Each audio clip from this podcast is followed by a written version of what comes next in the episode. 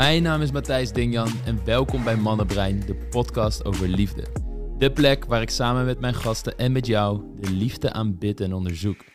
Niet door je te vertellen hoe het moet, maar juist door je uit te nodigen om zelf te gaan experimenteren met wat voor jou werkt. In de podcast krijg je inzichten, kwetsbare verhalen en praktische adviezen over de liefde, daten, relaties en alles wat daaromheen hangt. Zodat je in jouw eigen leven meer liefde kan voelen, ervaren en zijn. Enjoy. Denise Jansen, welkom in de Mannenbrein podcast. Dankjewel, dankjewel voor de uitnodiging. Ja, je zei je van, hey, jullie zitten helemaal niet hoog in een toren of op een hoge verdieping. Klopt. Eh, dat gevoel had je nadat je de podcast had gekeken, de, de ramen, de lichtinval hier zo zag. Ja, Ja, grappig, grappig hoe dat gaat. ja. Ja, ehm, de mensen zullen jou niet kennen. Dus ik zal gelijk met de deur in huis vallen en vertellen ehm, waarom je hier zit. Ten eerste wil ik je vertellen dat het een ontzettend moedig besluit is, omdat je jouw persoonlijke verhaal hier gaat delen, wat een vrij heftig verhaal is. En we zullen zo dadelijk in alle details treden. Maar onder andere relaties waar bijvoorbeeld sprake was van mishandeling, kleinering en allerlei ellende. En dat zijn verhalen die ik vaker bij mij krijg. Verhalen van vrouwen, ook mannen, die verschrikkelijke dingen meemaken. En zich soms afvragen daardoor van, hey, ben ik wel voor liefde gemaakt? Kan ik wel een liefdevolle, toegewijde, eerlijke, veilige relatie aantrekken? Want het blijft me maar overkomen en ik blijf deze cyclus maar herhalen. En de reden waarom ik zo blij ben dat jij je verhaal wil doen, is omdat het eigenlijk altijd zo blijkt dat er niks mis is met die mensen. Dat er bepaalde dingen zijn gebeurd waardoor ze in die situaties terechtkomen. En ik zei het al, jij gaat jouw verhaal delen. En hoe we naar man, bij Mannenbrein daar naar kijken, is dat iedereen een, zichzelf een verhaal vertelt over het leven, over zichzelf. Een verhaal waarin ze zelf de hoofdpersoon zijn. Waarbij je heel vaak ziet dat de eerdere hoofdstukken bepalen hoe de nieuwe hoofdstukken geschreven worden. Dus alles wat er in die eerdere hoofdstukken gebeurd is, een soort karakterbeelding, zorgt ervoor dat jij bepaalde keuzes maakt, bepaalde mensen valt, bepaalde relaties aantrekt later in je leven. En gelukkig is het zo dat als je dat oude verhaal in kaart brengt, ziet hoe dat allemaal jouw leven beïnvloedt, dat je ervan kunt ontkoppelen, dat je het los kunt laten en dat er ruimte ontstaat om een nieuw verhaal te schrijven. Dat je van onveilige relaties naar veilige relaties kunt gaan. En dat is niet iets van, eh, oh, ik eh, herschrijf eventjes mijn herhaal op een donderdagmiddag. Dat is echt een, een intens proces waar jij nu ook middenin zit. En ja, de reden dat ik het dus zo moedig vind dat je hier zit, is omdat jij jouw verhaal wil delen. En ik zeker weet dat er heel veel mensen zijn die soortgelijke dingen hebben meegemaakt. En die wellicht nog minder ver zijn in dat proces. Misschien zelfs nu nog in dit soort relaties zitten en die dit horen. En ik hoop dat dit jouw verhaal bijdraagt aan moedige beslissingen voor die mensen. Om een totaal ander pad in te slaan in hun, in hun leven, maar en in hun liefdesleven. Dus eh, ja, met die mooie intro gaan we er gewoon gelijk induiken. Hoe ik het wil doen is bij Mannenbrein tijdens coaching sessies en tijdens het transformatietraject. Daar is de eerste sessie er altijd op gedoeld om het oude verhaal van iemand in kaart te brengen. Te weten wie er voor me zit. En dat oude verhaal is opgebouwd uit vier pijlers. Dus de eerste pijler is je gezinsdynamiek van vroeger. De kind-ouder relatie die je hebt ervaren. Die jou een hechtingstijl geeft en die ook een blauwdruk meegeeft hoe relaties eruit zien die je meeneemt in het latere leven. Tweede pijler zijn negatieve gebeurtenissen in iemands leven. We weten dat dat natuurlijk een gigantische impact kan hebben, traumatische ervaringen. Helemaal wanneer die niet goed verwerkt worden of wanneer die plaatsvinden in iemands leven en er is niemand om dat leed mee te delen, dat het dan ook weer een andere impact heeft dan wanneer je een traumatische ervaring meemaakt met het hele gezin en jullie krijgen de juiste hulp en jullie kunnen er goed mee omgaan. Dus wat voor de een als traumatisch uh, ervaren wordt, hoeft voor de ander helemaal niet zo traumatisch te zijn. En die dingen, ja, dat is de tweede pijler, die dragen gigantisch bij aan het oude verhaal. De derde pijler is iemands relatiegeschiedenis. Nou, ik heb daar al een paar dingen over gezegd, maar daar zullen we ook zeker in duiken. En de vierde pijler is relatie, dating en psychologie, educatie. En daar bedoel ik mee, oké, er zijn allerlei dingen in je leven gebeurd. Wellicht heb je niet de beste voorbeelden gehad van je ouders, je vrienden, relaties. Maar wat zijn de stappen die je hebt ondernomen om aan die patronen te werken? Om wel goede voorbeelden te verzamelen, je belemmerende overtuigingen te verwerken, te veranderen. En dat kan in de vorm van therapie, cursussen, maar het kan ook een ayahuasca-sessie zijn. Het, kan van alles zijn. En ik zelf snuffel echt overal rond om eh, mezelf vooral niet af te sluiten op basis van vooringenomenheid. Van, oh ja, dat is woehoe, dus dat zal wel niet werken. Of, oh ja, dat is reguliere zorg en dat zijn allemaal kwakzalvers. Dat zal ook niet werken. Nee, ik probeer er met een open blik naar te kijken. En gewoon te zien van, oké, wat werkt, wat helpt bij mensen. En ehm, ja, aan de hand van die pijlers gaan we dit gesprek aan. Dus kan je iets vertellen over de gezinsdynamiek waar jij vandaan komt van vroeger? Ja, zeker. Ehm, nou, allereerst wil ik vertellen dat allebei mijn ouders niet meer leven. Mhm. Eh, dat maakt het soms wel een beetje lastig om terug te gaan naar die tijd, omdat ik niet zo heel veel meer weet uit mijn jeugd. ja. Eh, vaak heb je ook geen herinneringen van voor je derde of vierde levensjaar. ja, dat? wordt lastig. Ja. Ja, ik heb wat vage herinneringen aan mijn vijfde of zesde levensjaar. Dus van daarvoor weet ik het niet. Ik kan het ook niet meer navragen bij mijn ouders. Ik heb wel het een en ander van mijn zussen te horen gekregen. En ehm, nou ja, waar, zeg maar, als we het hebben over eh, de periode na de conceptie. Mijn moeder is, eh, heeft best wel wat traumatische dingen meegemaakt eh, tijdens haar zwangerschap. En ze zeggen dat dat echt wel invloed kan hebben op een, op een kindje. Mhm. Ehm, ehm, ook mijn vader heeft traumatische dingen meegemaakt. Dus in hun relatie liepen dingen ook gewoon niet goed. Ja, en dat was op het moment dat mijn moeder zwanger van mij was. Na de bevalling heeft mijn moeder een postnatale depressie gehad.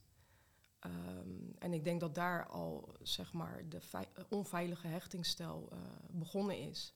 ja. Mijn moeder die, eh, ja, ik weet niet precies wat er toen allemaal gebeurd is. Hè, dat kan ik niet navragen. Maar zij, eh, ja, een postnatale depressie zal niet echt bijdragen aan gezellig met je kindje op de bank knuffelen Mhm. of er voor haar zijn wanneer zij dat nodig heeft. Ehm, ja, ik, ik denk dat ik als kind altijd apart in een kamertje heb gelegen en dat mijn zus vooral voor mij gezorgd heb. Mhm. Ehm, dus ja, dat, dat is echt wel eh, ja, wat ik weet, zeg maar, echt van het begin van mijn leven. En ik denk dat dat echt wel een heel groot impact heeft gehad ja, zeker. op, eh, op de rest. En om het plaatje compleet te maken, je noemde al zussen, geloof ik. Zus. Zus, één zus, oudere zus, oké. Ehm, je bent nu 37, 38. 38. Nou, je ziet het, ik, ben, eh, hè, ik zit er strak op, weet alles perfect. en op welke leeftijd ben je je ouders uiteindelijk verloren? Of wanneer zijn ze overleden? Ehm, ja, mijn vader is zes jaar geleden overleden, zeg ik dat goed? Ja, volgens mij zes jaar of zeven jaar. Mm, Ja. En mijn moeder een paar jaar erna. helder, helder. Oké. Dus ja, op zich wel jong. Eh, Ja. Ik denk dat ik 32 was. Maar je, je hele jeugd, om het zo maar te zeggen, ben je wel met hun samen geweest. En dat is waar je bent opgegroeid, Ja. duidelijk. Ja. Ja. Oké. En de verhalen die je daarover meekreeg, over toen jij net geboren was, nog een klein babytje was, dat heb je dus vooral van je oudere zus ook te horen gekregen? Of heb je daar wel met je moeder over gesproken, dat ze daarover vertelde? Ja, toen ik eigenlijk een aantal jaren geleden met een psychotherapeute in gesprek kwam, toen begon zij over eh, nou ja, patronen vanuit je jeugd. Mhm. En toen ben ik eigenlijk aan mijn zus gaan vragen van, joh, hoe was ik als kind? Of hoe ging dat eigenlijk toen ik klein was? En toen heeft zij mij dat verteld. Maar ja, schelen jullie? acht jaar. Oh ja, zij heeft Dus- het ook echt wel bewust meegemaakt. Wel Een soort van bewust meegemaakt, ja. bewust, maar niet ja, als een volwassene. Nee, Dus nee. Hmm. Helder. voor die leeftijd is het ook niet echt duidelijk van wat is er normaal of niet normaal. Voor haar kon dat natuurlijk heel normaal zijn, de situatie. Dat, Mhm. dat, dat weet ik eigenlijk niet. Maar Ja. ehm, En je groeit op een gegeven moment verder op. Hoe, als je terugdenkt aan die tijd, dus dan heb ik het echt nog over peuter, kleuter, misschien iets ouder. Eh, wat voor gevoel krijg je dan als je daaraan terugdenkt? ehm, ja, dat mijn ouders wel weinig tijd voor mij hadden. Hmm. Ja, mijn vader die was heel veel aan het werk. En mijn moeder die was vooral heel veel met het huishouden bezig en ja, met zichzelf. De dingen die ik me kan herinneren is dat ik ehm, ja, altijd op mijn eigen kamer moest, moest spelen. Dat ik eigenlijk altijd in de weg liep. Hmm. Het kwam eigenlijk nooit goed uit. Oké. Dus als, het was niet zeg maar een moeder die mij opwachtte met een eh, kopje thee en een kaakje en vroeg van, joh, hoe was je schooldag? Als ik daar zelf over begonnen was het al heel snel, ja, je stoort me nu, want ik ben aan het koken, ga maar even weg. Hmm. Ja, Helder. Dus als jij uit school kwam, werd je opgehaald? Of, eh, of hoe, hoe ging dat trouwens? Hoe zag dat eruit? Ehm, Eigenlijk al best wel op een jonge leeftijd ging ik zelf naar school toe. Mhm. Eh, ik denk echt wel vanaf groep drie. Oké, ja. Zo heen als terug, zelf. Ja, Right. En dan kwam je thuis en jij wilde natuurlijk delen met je moeder. hey, dit is wat ik gedaan heb, man. Moet je horen. En je kent die kinderverhalen wel, hoe ze zichzelf verliezen in enthousiasme. Wat iets super moois is. ja. Eh, kijk, en we vliegen er nu in vogelvlucht doorheen. Er zullen ook vast momenten geweest zijn dat ze wel even de tijd nam en, en vertelde, kan ik me voorstellen. Ehm, maar wat was een typische reactie die jij kon verwachten? Of heb je misschien een concreet voorbeeld van dat je, dat, dat je nog bijstaat van hoe je dan thuis kwam en hoe dat dan ging? ja, dat mijn moeder bijvoorbeeld ehm, afgeleid raakte omdat ik iets zei. En dat ze dan een bord liet vallen en dat ik daar dan de schuld van kreeg. Ja, En dat ze dus echt kwaad werd. Ja. En ehm, ik heb een paar jaar geleden heb ik regressietherapie ge- gedaan. Mhm. En toen ben ik ook teruggegaan naar van, eh, want ik heb last van faalangst. En waar komt dat nou vandaan? Ja, Ehm, en wij zijn toen bij een herinnering gekomen dat ik ehm, nou ja, naar balletles was geweest. En heel trots aan mijn moeder eh, een oefening wilde laten zien die ik had geleerd. En ik dus de kastbeet pakte om ja, als barre te gebruiken. Dat zijn zeg maar die... ja, ja. Ja, hoe leg je dat uit? Ja, het is een, in mannentaal een soort eh, houten balk waar je aan Waar vast kan houden. Ja. ja, precies. en nou ja, ik liet dat heel trots zien. En mijn moeder werd eigenlijk alleen maar heel erg kwaad over het feit dat ik vingervlekken had gemaakt op de dressoir. En ja, dat zijn cruciale momenten eh, waarbij je eigenlijk trots op jezelf bent en dat aan je moeder wilt laten zien. En in plaats van dat je daar een positieve reactie op krijgt, wordt iemand heel erg boos. ja, En ik denk dat dat heel veel invloed ook op mij heb heeft ge- eh, ge- gehad. gehad. Ja. Ja, faalangst of... eh, Absoluut. Kan ik helemaal begrijpen. Ja, wat je vaak ziet, dat dit de momenten zijn dat jouw identiteit het waard is om aandacht te krijgen, naar geluisterd te worden als kind zijnde, ja. door je verzorgers, door je ouders, de mensen aan wie je gehecht bent. En dat dat ervoor zorgt dat je ook eigenwaarde gaat creëren, zelfvertrouwen gaat creëren. Want je trekt de wereld in, buiten je comfortzone, stelt jezelf kwetsbaar op, gaat naar balletles, werkt aan jezelf, leert iets nieuws. En dat enthousiasme wil je delen met de mensen om wie je het meest geeft. En als dat geen aandacht krijgt, er geen licht op geschenen wordt, sterker nog, je wordt bestraft voor iets kleins wat je doet uit je enthousiasme. Eh, wat de meeste ouders eh, met een glimlach op zouden re- reageren, bij wijze van spreken, doekje pakken, halen het weg, terwijl ze gewoon luisteren en vervolgvragen stellen. ja. Dan is dit maar een voorbeeld wat je jezelf kan herinneren. Maar dit is heel typerend voor de dynamiek die jij inderdaad daarin met je moeder hebt gehad. Dus je mag er niet zijn. Je bent eigenlijk een beetje te veel. En wees maar gewoon stil, dan heb ik geen last van je, want ik heb het al druk genoeg met mijn eigen innerlijke wereld. Dat is een beetje de dynamiek die je daarin met je moeder hebt ervaren. ja. Hmm. En de band met je vader, hoe was dat? Eigenlijk ehm, tot een paar jaar geleden ehm, dacht ik... Nou ja, zette ik mijn vader heel erg op een voetstuk. Ehm, toen ik op een gegeven moment meer met bewustwording aan de slag ben gegaan... ben ik dat wel gaan heroverwegen van... heb ik dat wel goed gezien eigenlijk allemaal? Ik denk... ja, mijn vader was de kostwinnaar, eh, was de charmante man. Iedereen Mm. moest altijd om hem lachen. Ehm, maar in principe had hij niet veel tijd voor mij. Hij was altijd wel heel druk met werk. En de herinneringen die ik daaraan heb, is dat als ik mijn vader wel trusten wenste s'avonds en ik liep zijn kantoortje binnen, dat hij dat soms niet eens hoorde. Omdat hij zo in zijn werk zat. Hmm. En dat is ook voor een jong kind, ik, ik heb daar wel echt verdriet aan gehad. Mhm. Absoluut. Ja, Het is weer, het komt weer terug op het thema gezien worden. Wat een van de belangrijkste dingen is, is in een, een gezonde ontwikkeling van het kind. Het is, niet eens dat de ouder als het ware de hele tijd zelfs praat met het kind, maar alleen al, alleen al er zijn, terwijl het kind speelt, een klein beetje meedoen, iets aangeven, eh, niet op je mobiel zitten, maar echt met volle aandacht naar het kind kijken. Het kind kijkt af en toe op, ziet de ouder, misschien een bemoedigend glimlachje. Dat is vaak al voldoende dat het kind zoiets heeft van, ah, ik doe er toe, ik mag er zijn. En dit is een, een mooie, diepe connectie die ik met mijn ouder heb. Wat natuurlijk niet letterlijk zo rationeel denken, maar dat is het gevoel dat ze in ieder geval met zichzelf meebrengen. En als jouw vader al veel afwezig is door zijn werk, maar het is wel de man van wie je ook aandacht wil, van wie je liefde wil, met wie je wilt lachen.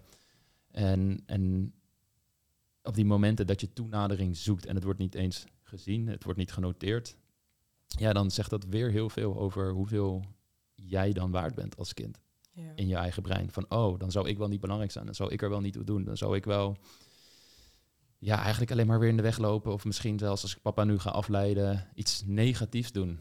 Ja. Terwijl die uitreiking die je daar doet als kind, een van de meest eh, natuurlijke en liefdevolle processen zijn van, van het mens zijn. ja. Ja.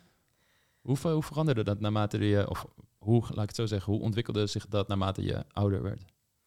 Ehm, nou ja, zeg maar een ander voorbeeld wat ik wel heb over mijn ouders is ehm, dat ik een keer toen ik een jaar of 15 was in het ziekenhuis belandde. Eh, mijn vinger had tussen de deur gezeten, mijn topje lag er eh, voor een stukje vanaf. Mhm. En dat ik hun opbelde en dat ze zeiden van, eh, oh ja, oké, nou, eh, we zien je vanavond wel. Ehm, heel vaak werd er gezegd van, ja, stel je niet aan of weet je, wees, Mm. wees sterk. Mm. Ehm, doe maar gewoon gezellig mee of neem maar een paracetamol. Ehm, dus er was ook helemaal geen ruimte voor ehm, nou ja, falen bijvoorbeeld, maar ook ehm, de zorg die je nodig hebt. Hè, dat al is het maar misschien relatief klein, dat jouw ouders er gewoon voor je zijn. Ja, Dat ze je die knuffel geven als je pijn hebt of als je verdrietig bent. ja. En dat waren wel dingen die ik heel veel gemist heb eh, in ja. mijn jeugd. Het is de, jouw emotieregulatie als kind wordt grotendeels bepaald door je ouders, die jou helpen jouw emoties te reguleren. En je kunnen kalmeren wanneer je in paniek bent. Eh, wanneer je boos bent, je, je kunnen laten inzien hoe je daarmee om kunt gaan. En ook vreugde en liefde met je delen. En op die manier leer je je eigen emoties kennen, ontwikkel je dat steeds meer. En dat gaat je gigantisch helpen wanneer je op eigen benen komt te staan. Omdat je dan die emotieregulatie al in je systeem hebt zitten. Ja, dit zijn wel echte voorbeelden inderdaad, waarbij dat had moeten gebeuren, maar het niet gebeurd is. Wat een grote impact op iemand kan hebben. Je vertelde al dat jouw ouders zelf ook traumatische dingen hebben meegemaakt. Wat weet je exact over hun geschiedenis? Eh, Ehm, wat ik weet van mijn vader, wat hij wel eens nou ja, tussen neus en lippen door heeft verteld, eh, dat hij mishandeld werd door zijn ouders. Ehm, hij is op zijn vijftiende het huis al uitgegaan. Ehm, ja, hij werd mishandeld op verschillende manieren, dus eh, emotioneel, maar ook fysiek. Eh, of kreeg wel eens geen eten. Dus ik denk dat eh, zijn afwezigheid in ons gezin dan ook wel misschien daarmee te maken heeft, omdat hij ook niet anders gewend is. Ja. Ehm, van mijn moeder weet ik eigenlijk niet zo heel veel. Naar mijn idee heeft zij het juist wel heel goed gehad eh, bij haar ouders. Mhm. Ehm, ja, nee, daar kan ik eigenlijk niet veel over vertellen. Duidelijk, duidelijk. Ja, dat is ook het moeilijke. Dat soms, on- ondanks dat er geen heftig negatieve dingen zijn gebeurd, zoals mishandeling, een ouder die overlijdt, vechtscheiding, dat dat niet per se betekent dat alle dingen die zouden moeten gebeuren ook daadwerkelijk gebeurd zijn. En daarom is het soms moeilijk te begrijpen waar mensen vandaan komen en zich op een bepaalde manier gedragen. Dat je denkt van, hé, maar er is toch niks ergs gebeurd of zo, weet je wel, waarom ehm, kan je mij die liefde niet geven? Maar je weet niet wat zij daadwerkelijk gemist hebben aan emotionele behoeftevervulling in hun jeugd en wat ze weer meenemen in de dynamiek met hun eigen kinderen. Hmm. En jouw zus, hoe, hoe heeft die dat allemaal ervaren? Zelfde soort ervaringen? Of soms kan er nog een verschil tussen zitten. Het is nooit 100% gelijk, maar Ehm, ja, wij schelen natuurlijk acht jaar, dus dat is best wel... Ja, kan gewoon heel veel veranderen in, in acht jaar tijd. Ja. Wat ik wel van haar begrepen is dat ehm, mijn moeder, of onze moeder zeg maar, eh, wel meer aandacht voor haar had eh, in haar eerste paar levensjaren. En dat dat later echt is veranderd. Waarschijnlijk ook door de postnatale depressie. hmm. ja, helder. Ja. Ja, duidelijk. En op een gegeven moment ga je, ga je verder. Gaat wellicht het, eh, het huis uit uiteindelijk. Eh, op welke leeftijd was dat bij jou? Ehm, ik was twintig. 20, oké. Ehm, hoe verliep je leven verder? Hoe ging het vanaf daar? Ehm, ja. Nou, mijn idee eigenlijk wel goed. Ik, eh, nee, ik was trouwens 19. Ik kocht mijn eerste huisje. Ik was daar helemaal trots op. Ja, ik was eigenlijk best wel vroeg volwassen. Ja. En ik zag dat wel als een heel positief iets. Eh, nadelen daarvan waren dat ik eigenlijk nooit hulp durfde te vragen, terwijl ik die soms wel nodig had. Maar ik zag het echt als een heel positief iets. Ja. Ehm, ja, ik heb meerdere relaties gehad. Ehm, ja. Niet hele extreme relaties, maar hier en daar wel wat rode vlaggen. Ehm, ja, weet je, je hoort dat er in elke relatie altijd wel iets is. Ja. Ja, ik, ik vond ze niet echt heel extreem, maar er was inderdaad soms wel iets. Mhm. Uh, als je er dieper op ingaat, dan kun je wel zien van, oh, dat was misschien wel een bepaalde dynamiek. En daar heb Mhm. ik zelf ook wel een aandeel in gehad. Ehm, maar het lijkt net alsof ehm, het, het eigenlijk steeds erger werd naarmate ik ouder werd, zeg maar, de, de dynamieken en de patronen. Mhm. Is dat iets wat wel eens gebeurt uh, bij mensen? Nee, Dat gebeurt dat nooit. Dit is heel, nee, Nee. nee. absoluut. Zeker. Nee, maar dat iets pas tot uiting komt als ze ouder worden, zeg maar, dat het erger wordt. Een soort van sneeuwbaleffect. Of... Absoluut. En het feit dat iemand onveilig gehecht is, betekent niet dat ze automatisch ook onveilig gehechte mensen aantrekken. Of wanneer jij een, een codependent patroon in je meedraagt, dat je automatisch mensen aantrekt die daar misbruik van maken. Zo zit de wereld gelukkig ook weer niet in elkaar. Het kan zijn dat die eerste relatie, ehm, dat dat met iemand is die, ja, die gewoon pri- prima vent of prima vrouw is. Eh, helemaal niks mis mee. Ehm, en zelfs als twee veilig gehechte mensen elkaar vinden in de vroege jeugd, betekent dat ook niet dat die relatie automatisch gaat werken. Want je hebt nog heel veel te leren op het gebied van relaties, van de dynamiek tussen iemand, het samenleven met iemand. En als je gaat kijken naar antropologische studies over hoe eh, menselijke relaties eruit zien, dan zie je dat over het algemeen, in de, vooral in het Westen, dat heel veel mensen aan seriële monogamie doen. En dat vinden we, we denken altijd, hè, ja, het ideaalplaatje is één iemand vinden, trouwen, kinderen, lang en gelukkig verder leven. Mhm. Maar er zitten vaak altijd wel jeugdliefdes al voor. En dat is eigenlijk al een monogame relatie die je gehad hebt, waarbij je aan het oefenen bent. Ja. Waarbij je dat allemaal aan het leren bent. Dus die, die eerdere relaties, dat hoeft niet per se al gelijk kommer en kwel te zijn of gelijk een hele destructieve ehm, relatie te zijn. Dat kunnen best soort van oefenrelaties zijn, waarom je soms dan op latere leeftijd alsnog een partner aantrekt die opeens wel heel destructief is is omdat die relatieblauwdruk die jij vanuit je jeugd hebt meegenomen, en voor zover ik het nu kan inschatten, zit daar dus ergens in van, oké, mijn behoeftes doen er minder toe. Eh, ik moet het vooral zelf opknappen. Eh, niet te veel om hulp vragen daarin. En ja, je hebt geen goed, sterk voorbeeld gekregen van je ouders dat jij er mag zijn, hoe liefde eruit ziet in een wederkerige manier. En wat ook vaak iets is als, ik moet niet te veel om hulp vragen. Ik weet niet of dat bij jou zo is, maar wat ik vaak zie is dat mensen dan ook vaak wel voor anderen klaarstaan, maar het moeilijk vinden om te ontvangen. En daar echt standaarden voor te hebben. Van dit is gedrag wat ik wel accepteer en dit is gedrag wat ik niet accepteer. En als je daar niet aan kan voldoen, sorry, maar dan zijn wij gewoon geen geschikte match. Vaak zit daar dan dus een, een verstoring in die relatieblauwdruk, waardoor je op latere leeftijd iemand kan tegen het lijf kan lopen die ook allerlei leuke kanten heeft. Misschien wel heel grappig is. En af en toe heb je mooie diepe gesprekken met zo'n persoon. Het klikt ook hier en daar wel goed. En misschien staan ze in het begin wel nog eh, hier en daar voor je klaar of doen ze veel voor je. En je valt daarvoor. Maar die goede kanten gaan gepaard met hele heftige kanten die bij je, zeg maar, de tussen aanhalingstekens doorsnee persoon niet zou aantreffen. En het zijn die heftige kanten waar iemand die een liefdevolle relatieblauwdruk, veilige hechting, noem maar op, heeft, eh, die dat sneller zou herkennen en ook minder snel genoegen mee zou nemen of zou accepteren. Om je een voorbeeld te geven, het vind ik altijd een heftig voorbeeld. Het was een, een dame die bij me kwam voor coaching en zij vertelde me dat dat een man ontmoet online. Ze waren aan het chatten en het ging eh, op een gegeven moment over scheiden en hij heeft dus twee kinderen met zijn ex-vrouw. En eh, er werd gezegd van ja, als ik mijn ex had betrapt terwijl ze vreemd ging, ja, dan had ik er waarschijnlijk wat aangedaan en de kinderen wat aangedaan en noem maar op. Wat al heftig is om te zeggen. Maar hij zei ook dat hij de, de kinderen op zijn zachtst gezegd, ehm, ja, ik ben het spreekwoord kwijt, maar een soort van ehm, niet al te goed ging opvoeden en ja, ze moesten het maar een beetje uitzoeken. Zo'n dat soort uitspraken. Dat zijn vrij heftige uitspraken om te doen. Zij is er overheen gestapt en is toch in een relatie met die man gekomen. En dit is maar een voorbeeldje van de vele signalen die hij af, afgaf dat er een, een schaduwkant aan hem kle- kleefde. We hebben allemaal een schaduwkant, maar bij hem is hij dusdanig diep dat het je echt pijn kan doen en destructief kan zijn. En dat is meestal waardoor zoiets op een latere leeftijd nog kan voortkomen. Omdat je dan zo'n persoon ontmoet. Die kant toch accepteert, vanuit liefde handelt.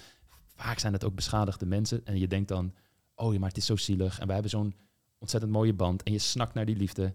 Want je wil wel een relatie. En dan word je erin gezogen en is het heel moeilijk om eruit te komen.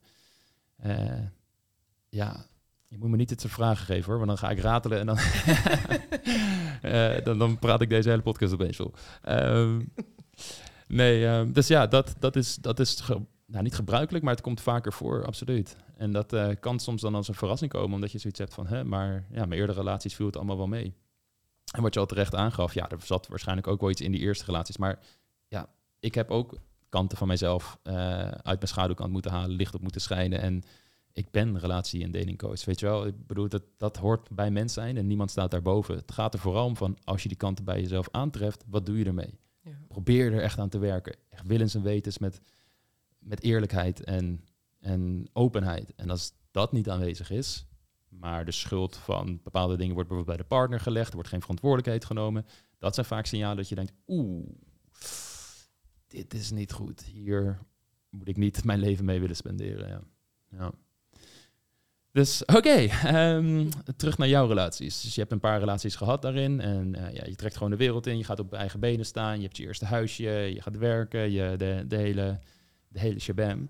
Um, ja, hoe ging dat verder? Waren er nog benoemingswaardige dingen waar je van zegt... oh, dit is nog wel belangrijk om te weten bijvoorbeeld. Uh, en dan heb ik het weer over die negatieve gebeurtenissen. De tweede pijler van het oude verhaal. Um, Waar ik ook nog nieuwsgierig naar ben trouwens, is ben je bijvoorbeeld ooit gepest? Of zijn dat soort dingen ooit gebeurd in je leven? Um, ja, niet echt gepest zoals je dat dan bijvoorbeeld uh, in een film ziet op tv. Mm Maar ik, heb, ik kan me wel herinneren dat ik um, vroeger wel bang was voor bepaalde mensen. Mm. En wij stonden op een camping en dan moest ik voor mijn ouders achter bij de kantine patat gaan halen. En dan wist ik dat die grote meiden daar ook zouden staan. En dat vond ik echt, echt heel eng. Mm. ja. ja. concreet dat ze me in elkaar zouden slaan of zo, dat niet. Maar ja, ik, had toch wel die angst. Ja. Waar dat precies vandaan is gekomen, weet ik niet. Uh, misschien doordat ze op een bepaalde manier kijken of ja, dat kan ook reëel zijn. Hè? Ik bedoel, dus dezelfde angst voelen de meeste jongens wanneer ze... Ik kan me heel goed herinneren op mijn middelbare school. Je had de bovenbouwingang, de onderbouwingang. Ja. ja, het was echt wel spannend om langs de bovenbouwingang te gaan. Dat, ja, dat, dat zijn ook een beetje hiërarchische dingen die denk ik bij jeugd horen. En dat is ook gewoon wel spannend. Daar, oké, helder. Andere dingen waar je nog van zegt, oh, dat is nog wel benoemswaardig om te noemen. Ja, dat mijn ouders uh, wel echt een, uh, een toxische relatie hadden met elkaar. Hoe zag dat eruit? Um, ja, dat uitte zich zeg maar in uh, ouders die uh, ja, echt wel aan het schreeuwen. En uh, ja, of ze echt daadwerkelijk aan het vechten waren, dat weet ik niet, want ik zat dan op mijn kamer. Maar ik hoorde wel dat er echt spullen kapot gemaakt werden. Dus dat ging wel heel ver. Mm. En ook mijn ouders gingen ook wel eens uit elkaar. Ja. Wie ging dan weg? Meestal mijn moeder. Maar soms ook eigenlijk wel mijn vader. En dat waren eigenlijk de leukste momenten in mijn, in mijn jeugd, omdat ik dan ineens wel aandacht kreeg. Hmm. Dan ging mijn vader ineens met mij naar uh, een pretpark, wat ze normaal nooit deden. Dus ja, voor mij waren die momenten als ze uit elkaar waren eigenlijk hele fijne momenten. Hmm. Dan kreeg je opeens de aandacht waar je zo naar snakte, de liefde. Ja. Hoe, werd, hoe ging dat dan? Er was een gevecht geweest. Papa of mama ging weg. Hoe werd dat verteld aan jou en je zus? Daar werd eigenlijk niet echt over gesproken. Nee. Mhm. Nee, wij kregen niet echt iets van een uitleg. Nee. Dus het zou voor mijn uh, voorstelling zo kunnen zijn van oké, je hebt die ruzie, spullen gaan kapot. volgende dag word jij wakker, wil naar school en opeens is papa weg. Is dat, gaat dat zo? Ja, of dan werd er gezegd van nou, uh, papa en ik hebben ruzie gehad en papa gaat even een paar dagen naar een hotel. Wat ik wel mee heb gemaakt is dat ik wel eens tot een loyaliteitsconflict werd opgezet. Mhm. Dat mijn ouders ehm, ruzie hadden en dat er dan aan mij werd gevraagd van wie heeft hier gelijk. En dan gaf ik, nou ja, bijvoorbeeld mijn vader gelijk, want ik vond ook echt dat hij gelijk had uh, met dat punt. Ja. En ehm, nou ja, uiteindelijk uh, hadden zij het dezelfde avond nog bijgelegd. En werd ik dan een paar dagen door mijn moeder genegeerd, want zij was boos dat nou ja, ik niet aan haar kant had gestaan. Ja, ik wilde er net niet naar vragen uh, om jou ook niet te beïnvloeden, maar op het moment dat je vertelde van ja, mijn vader nam me eigenlijk alleen mee naar het pretpark op het moment dat er ruzie was en hij weg was of mijn moeder was weg. Dit lampje ging wel bij me branden. Van, hm, dat zijn interessante dingen om daarin te zien, dat je dan opeens wel aandacht krijgt. En het zie je natuurlijk vaak bij ouders die gescheiden zijn, dat een van de ouders veel gal aan het spuwen is, over de andere ouder. En soms zitten er ook wel heftige belangen bij, zoals wie de voogdij over de kinderen krijgt en noem maar op. Dus dat kunnen hele smerige spelletjes worden waar het kind de dupe van is. Maar het zegt zoveel dat als je je ouders, die jou eigenlijk veel negeren, maar op het moment dat er bonje is en ze willen iets van je, dan krijg je opeens aandacht. Het, het geeft een hele gekke dynamiek aan jou van wanneer je iets waard bent. En um, een heel verstrooid beeld van wat je ook moet doen om liefde en aandacht te kunnen krijgen. Het, het kan een, een, impact hebben op hoe zo'n relatie blauwdruk daar, eruit ziet. Ja. Hmm. Ik had daar eerlijk gezegd zelf nog nooit over nagedacht. Dat dat ook eigenlijk opzetten tot loyaliteit zou kunnen zijn geweest. Ja, nee, het is natuurlijk. Ik heb veel te weinig informatie om dat zo een, een harde claim van dit is zo. Maar het zijn patronen die ik vaker zie uh, daarin. Hmm. Maar zo zie je maar hoe puur en onschuldig een kind is. Dat ik daar zelf nog nooit over na heb gedacht. Want ik dacht gewoon, hé hey, leuk, ik krijg nu die aandacht die ik wil hebben. Ja, en misschien was dat ook zo, hè? Wie weet. Ah, weet je, ik was er niet bij, dus het is, laat je nooit een soort van claims neerleggen van... hey, dit is hoe het allemaal geweest is in je jeugd. Laat je niks aanpraten, maar uh, het zijn in ieder geval patronen die, ik daar, die mij daar in ieder geval in opvallen. Ja. Oké. En zag je je ouders ook wel affectie naar elkaar tonen? Was er ook wel liefde? Waren er ook gezinsuitjes die jullie met z'n allen ondernamen? Um, de affectie die ik tussen hun zag, dat was meer een, een seksuele aantrekking. Mm. Dus ehm, zeg maar de stap die je ervoor hebt, het knuffelen, lieve dingen tegen elkaar zeggen, dat heb ik niet veel gezien. Zij gaven ook aan dat zij dat in hun jeugd niet veel hebben meegemaakt, dus maar vooral mijn vader dan niet. En dat hij dat moeilijk vindt om te doen. Mm ja, dat dus. En qua gezinsuitjes, Um, ja, wij gingen wel op vakantie, maar dat was eigenlijk altijd een vakantie die zij wilde doen. Dus er werd niet gevraagd van wil jij naar Euro Disney of wil je naar de Efteling? Dat soort dingen deden wij ook niet. Dat was echt. Zij wilde op vakantie ergens heen en ik moest dan zeg maar mee. Duidelijk, ja. ja. Helder. En als je ehm, dan weer verder gaat met oké, je, hebt die eerste relaties in je twintige jaren en hey, ze zijn misschien niet perfect, maar je, ja, dat hoort er ook een beetje bij op, op die leeftijd. Uh, hoe ging het vanaf daar verder? Um, ik had op een gegeven moment een relatie. En daarbij merkte ik dat mijn partner, nou ja, dat wist ik toen de tijd niet, maar nu achteraf gezien weet ik dat wel, uh, codependent was. Um, hm. Mijn partner toen was een vrouw. Een hele lieve, zorgzame vrouw. Ehm, maar ook wel heel klemerig. Dus alles echt samen willen doen. En uh, dat ging mij heel erg benauwen. En dat zorgde ervoor dat uh, de dynamiek, en ik was ook in de relaties ervoor, um, die niet zo heel extreem waren, was er altijd wel een soort van dynamiek waarbij ik meer de onderdanige was en mijn partner meer de dominantere was.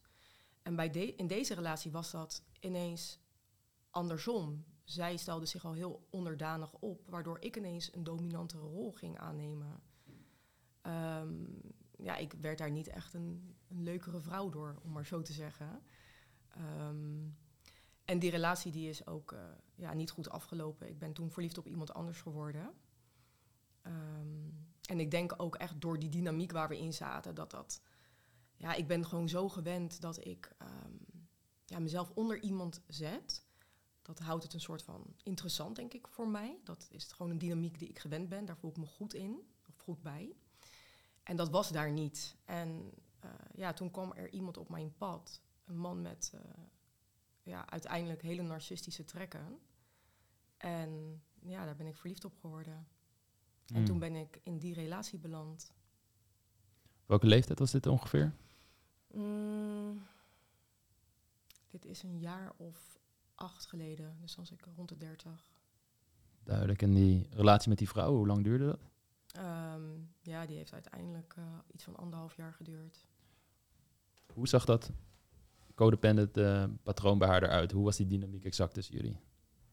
Eh, zij was heel zorgzaam, deed eigenlijk alles wat ik wilde. Mijn, haar leven draaide letterlijk om mij. Dat, het was echt alles samen doen. Samen boodschappen doen, samen douchen.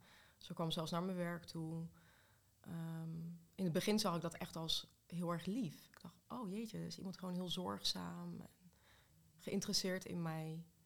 Maar achteraf gezien was het niet echt heel gezond. Het was echt too much. Ik werd gewoon haar hele wereld. Ja. Wat weet je van haar achtergrond? Ehm, niet heel veel, omdat ik daar toen ook niet zo heel veel mee bezig was. Ehm, Heb je haar ouders ontmoet? Ja, zeker. Ja, zeker. Ehm, ik weet wel wat dingen, maar ik weet niet of ik daarover kan praten. Helder, snap Dus ik. dat, eh, Ja. Het is best wel privé. Een, best wel eh, een heftig verhaal ook. Wat dingen die zij heeft meegemaakt in haar jeugd. En, Duidelijk. eh, ik weet ook niet of iedereen dat mag weten. Dus ik, Begrijp ik, begrijp ik. Nee, netjes van je. Ehm, zeg het toch maar. Nee, nee, nee. nee, helemaal begrijpelijk. En dat respecteren we natuurlijk. Wat je vaak ziet is inderdaad als je... De Gabor Mate bijvoorbeeld, een bekende trauma-expert... heeft in Toronto in een wijk gewerkt waar bijna alle verslaafden zich ophouden. En waar zelfs een gebied was gecreëerd waar ze legaal mochten gebruiken. Zodat ze dan in ieder geval eh, veilige spullen konden gebruiken. Er, als er iemand oud ging, dat er medische hulp was en noem maar op. En hij heeft met al die mensen gepraat, omdat sommige mensen er ook uit wilden en van de verslaving af wilden. En hij is tot ook wel tot de conclusie gekomen wanneer iemand verslaafd is, dat er vrijwel altijd trauma achter zit. Het hoeft niet trauma te zijn in de meest heftige vorm, nogmaals, als in, oké, je bent eh, jarenlang mishandeld of wat dan ook. Het kan ook trauma zijn als, je hebt nooit liefde gekend. Je was niet belangrijk in je jeugd. Wat een, ook een, een vorm van pijn is die je met jezelf meedraagt. En dat de verslaving altijd een manier is om met die pijn om te gaan. Russell Brand, de bekende comedian, heeft zo'n mooie uitspraak dat hij zegt, ja, verslaving is niet mijn probleem. De drugs en de alcohol is niet mijn probleem. Realiteit is mijn probleem. En drugs en alcohol, verslaving, was de oplossing om te kopen met die realiteit. En wat je vaak ziet ook met mensen die relatieverslaafd zijn, codependent zijn, is dat zij ook pijn met zich meedragen. Negatieve patronen uit het verleden die hun oorsprong ergens vinden. En dat jij dan in dit geval de oplossing bent voor hun pijn, om het even te verdoven. Want als jij hun aandacht, liefde, validatie geeft voor hun bent, dan kunnen ze hun eigen sorrows, hun eigen negatieve dingen, emoties eventjes vergeten tijdelijk, want ze staan in het licht naast jou. En dat is, zorgt voor een tijdelijke verlichting van de rugzak die ze met zich meedragen. En uh, daar is het weer het interessante ook, dat je nu dan aan de kant hebt gezeten van degene die niet codependent was, maar juist de dominante was. En dat zie je ook dus soms bij mensen met uh, bindingsangst, verlatingsangst, dat het kan switchen. ja. Afhankelijk van de context en dynamiek met de persoon waar je op dat moment mee, in, mee aan het daten bent of in een relatie zit. Ja. Je kwam uiteindelijk dus een, een man tegen die, neem ik aan, meer de dominante rol weer over dan. Ja. Uh, dat was jij meer gewend ook vanuit jouw verleden weer. Jij neemt op een gegeven moment uh, afscheid van je relatie. Je gaat met hem verder. Hoe was dat, die relatie? Hoe begon het en hoe ontwikkelde zich dat? Ja, dat begon met vuurwerk. Ik was echt intens verliefd. Um, Kan je het nog herinneren toen je hem hebt ontmoet? Ja, ik zit daar nu ook letterlijk. Uh, wij, wa wij, waren um, collega's. Um, dus zo hebben wij elkaar ja, ontmoet. Het was niet bewust dat ik aan het daten was, want ik zat al in een relatie. Ja. Maar ik ben echt ja, voor zijn charmes gevallen. En wat er eigenlijk gebeurde was, hij bood mij een scho schouder om op te huilen in een even wat lastigere situatie. En ja, ik ben daar gewoon vol voor gevallen eigenlijk. Mm -hmm. Kan je je herinneren wat voor gedachten je toen had toen je net voor hem viel? Hoe jouw realiteit er toen uitzag? Ja, heel onrealistisch eigenlijk. hmm. Ja, nee, ik, um, ik, ik zat in een relatie met haar en ik werd verliefd op een ander. En dat is gewoon iets wat je absoluut niet wilt. Ja. Want je houdt van iemand en je wilt dat eigenlijk ook helemaal niet kwijt. Maar dit overkwam mij echt. Ja. En ik heb daar ja, een, een soort van geprobeerd tegen te vechten van nou ja, dat uh, appt wel weer weg. Of, maar ja, op een gegeven moment dan komt ook het een en ander uit. En mm -hmm. dan is het een voorbij en dan blijf je ook zeer zeker in dat ander. Geloof jij of denk jij dat het te voorkomen is dat je verliefd wordt op iemand anders wanneer je zelf in een relatie zit? Wat is jouw visie daarop? Ik denk dat als je relatie goed is, dat dat niet gebeurt. Mhm. Wat is goed? Ja, dat is een mooie vraag. nou ja, ik denk wel dat je verliefd op een ander kan worden. Maar ik denk dat als je relatie echt heel sterk is, als de basis heel goed is, dat je er samen over kan praten. En dat er misschien toch wel een moment komt van hé, hey, ehm, ik heb hier gewoon een heel sterk iets. En dit is waarschijnlijk een tijdelijk iets. En misschien ga je het onderzoeken, dat kan. Mhm. Uh, of je denkt van, nou ja, het, is het gewoon niet waard. Maar het mag er wel zijn, zeg maar. Je, kan daarover praten met je partner. Ik denk dat dat uh, ja, heel erg belangrijk is. Maar als gewoon het, ja, het fundament van je relatie al gewoon niet goed is. Ja. En dat was de dynamiek waar ik natuurlijk in zat. Ik zat in een rol waar ik me eigenlijk helemaal niet in thuis voelde. Dat was voor mij helemaal niet interessant. Dat was niet wat ik gewend was. Ja. En dan uh, overkomen die dingen je. En dat denk ik niet dat je, dat, je daar echt tegen kan vechten. Nee. Nee, dat is het, het, interessante. Ehm, de dynamiek met elke persoon brengt bepaalde karaktereigenschappen van jou naar boven waar je wel of niet prettig bij voelt.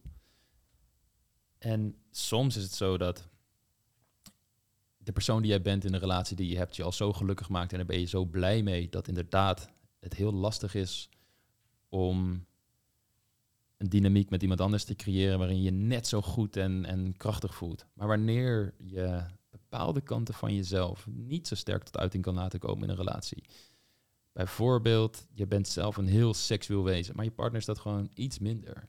En wellicht had je vroeger uh, op bepaalde manieren seks, maar dat kan je eigenlijk niet meer hebben met je partner dan is dat een, voor veel mensen rationeel een gemakkelijke opoffering om te maken. Omdat ze zeggen van, hé, hey, maar de seks die we hebben is wel goed en ik hou van haar en ik kan zo goed met haar praten. Onze levensvisies komen zo overeen. En dan denken ze van, ja, dat zit wel goed. En dan zeggen ze het misschien ook niet tegen hun partner dat ze bepaalde seksuele behoeftes missen of wat dan ook. Maar dan komen ze iemand tegen op den duur, terwijl ze deze kant van zichzelf al weggestopt hebben. Dus eigenlijk in hun schaduwkant hebben gestopt. En die persoon haalt opeens die kant op een hele natuurlijke, ongedwongen wijze naar boven. Dan wordt dat soms door mensen geïnterpreteerd van, oh, maar bij deze persoon kan ik wel echt mezelf zijn. En wow, dit is iets wat ik echt al lang niet meer heb, gevoel, heb gevoeld. En dan ben je als het ware ook een andere persoon in de dynamiek met die nieuwe persoon die je hebt ontmoet. Ja. En daar zie ik vaak dat mensen dan verliefd worden op een ander, of denken dat ze verliefd zijn, denken dat ze ehm, iemand ontmoet hebben die veel beter bij hen past. Terwijl, als je teruggaat naar hoe ze hun eigen relatie hebben opgebouwd en wat het fundament er is, is dat ze niet open en eerlijk over bepaalde dingen hebben kunnen spreken. Of misschien wel geprobeerd hebben, maar hun partner stond er niet voor open. En hebben ze het gewoon gelijk ook opgegeven. En terwijl ze die dingen wel gesproken, besproken hadden, en het was uit die schaduwkant, en het was iets wat een gesprek was in plaats van dat het in een doofpot zat, dan zie je vaak dat die verliefdheid inderdaad iets is wat de relatie niet kapot maakt waarover gesproken worden, wellicht onderzocht worden, uh, maar vaak ook veel minder als intens ervaren wordt, omdat die kant van jezelf die je weg hebt gestopt in je schaduwkant, die zit daar niet. Die, ja, misschien dat die minder tot uiting komt in je relatie, maar hij krijgt in ieder geval wel licht en aandacht. Waardoor die behoefte ook niet zo sterk is bij jezelf. En je zoiets hebt van, ik moet dat ook doen. En uh, dat is het lastige inderdaad, wanneer je nooit echt geleerd hebt om zo'n fundament te bouwen voor je relatie waarin die open en eerlijke communicatie er is. En uh, ja, dat is ook voor mijzelf, als ik voor mezelf spreek, echt iets wel wat ik heb moeten leren. Uh, om open en eerlijk over dit soort dingen te spreken.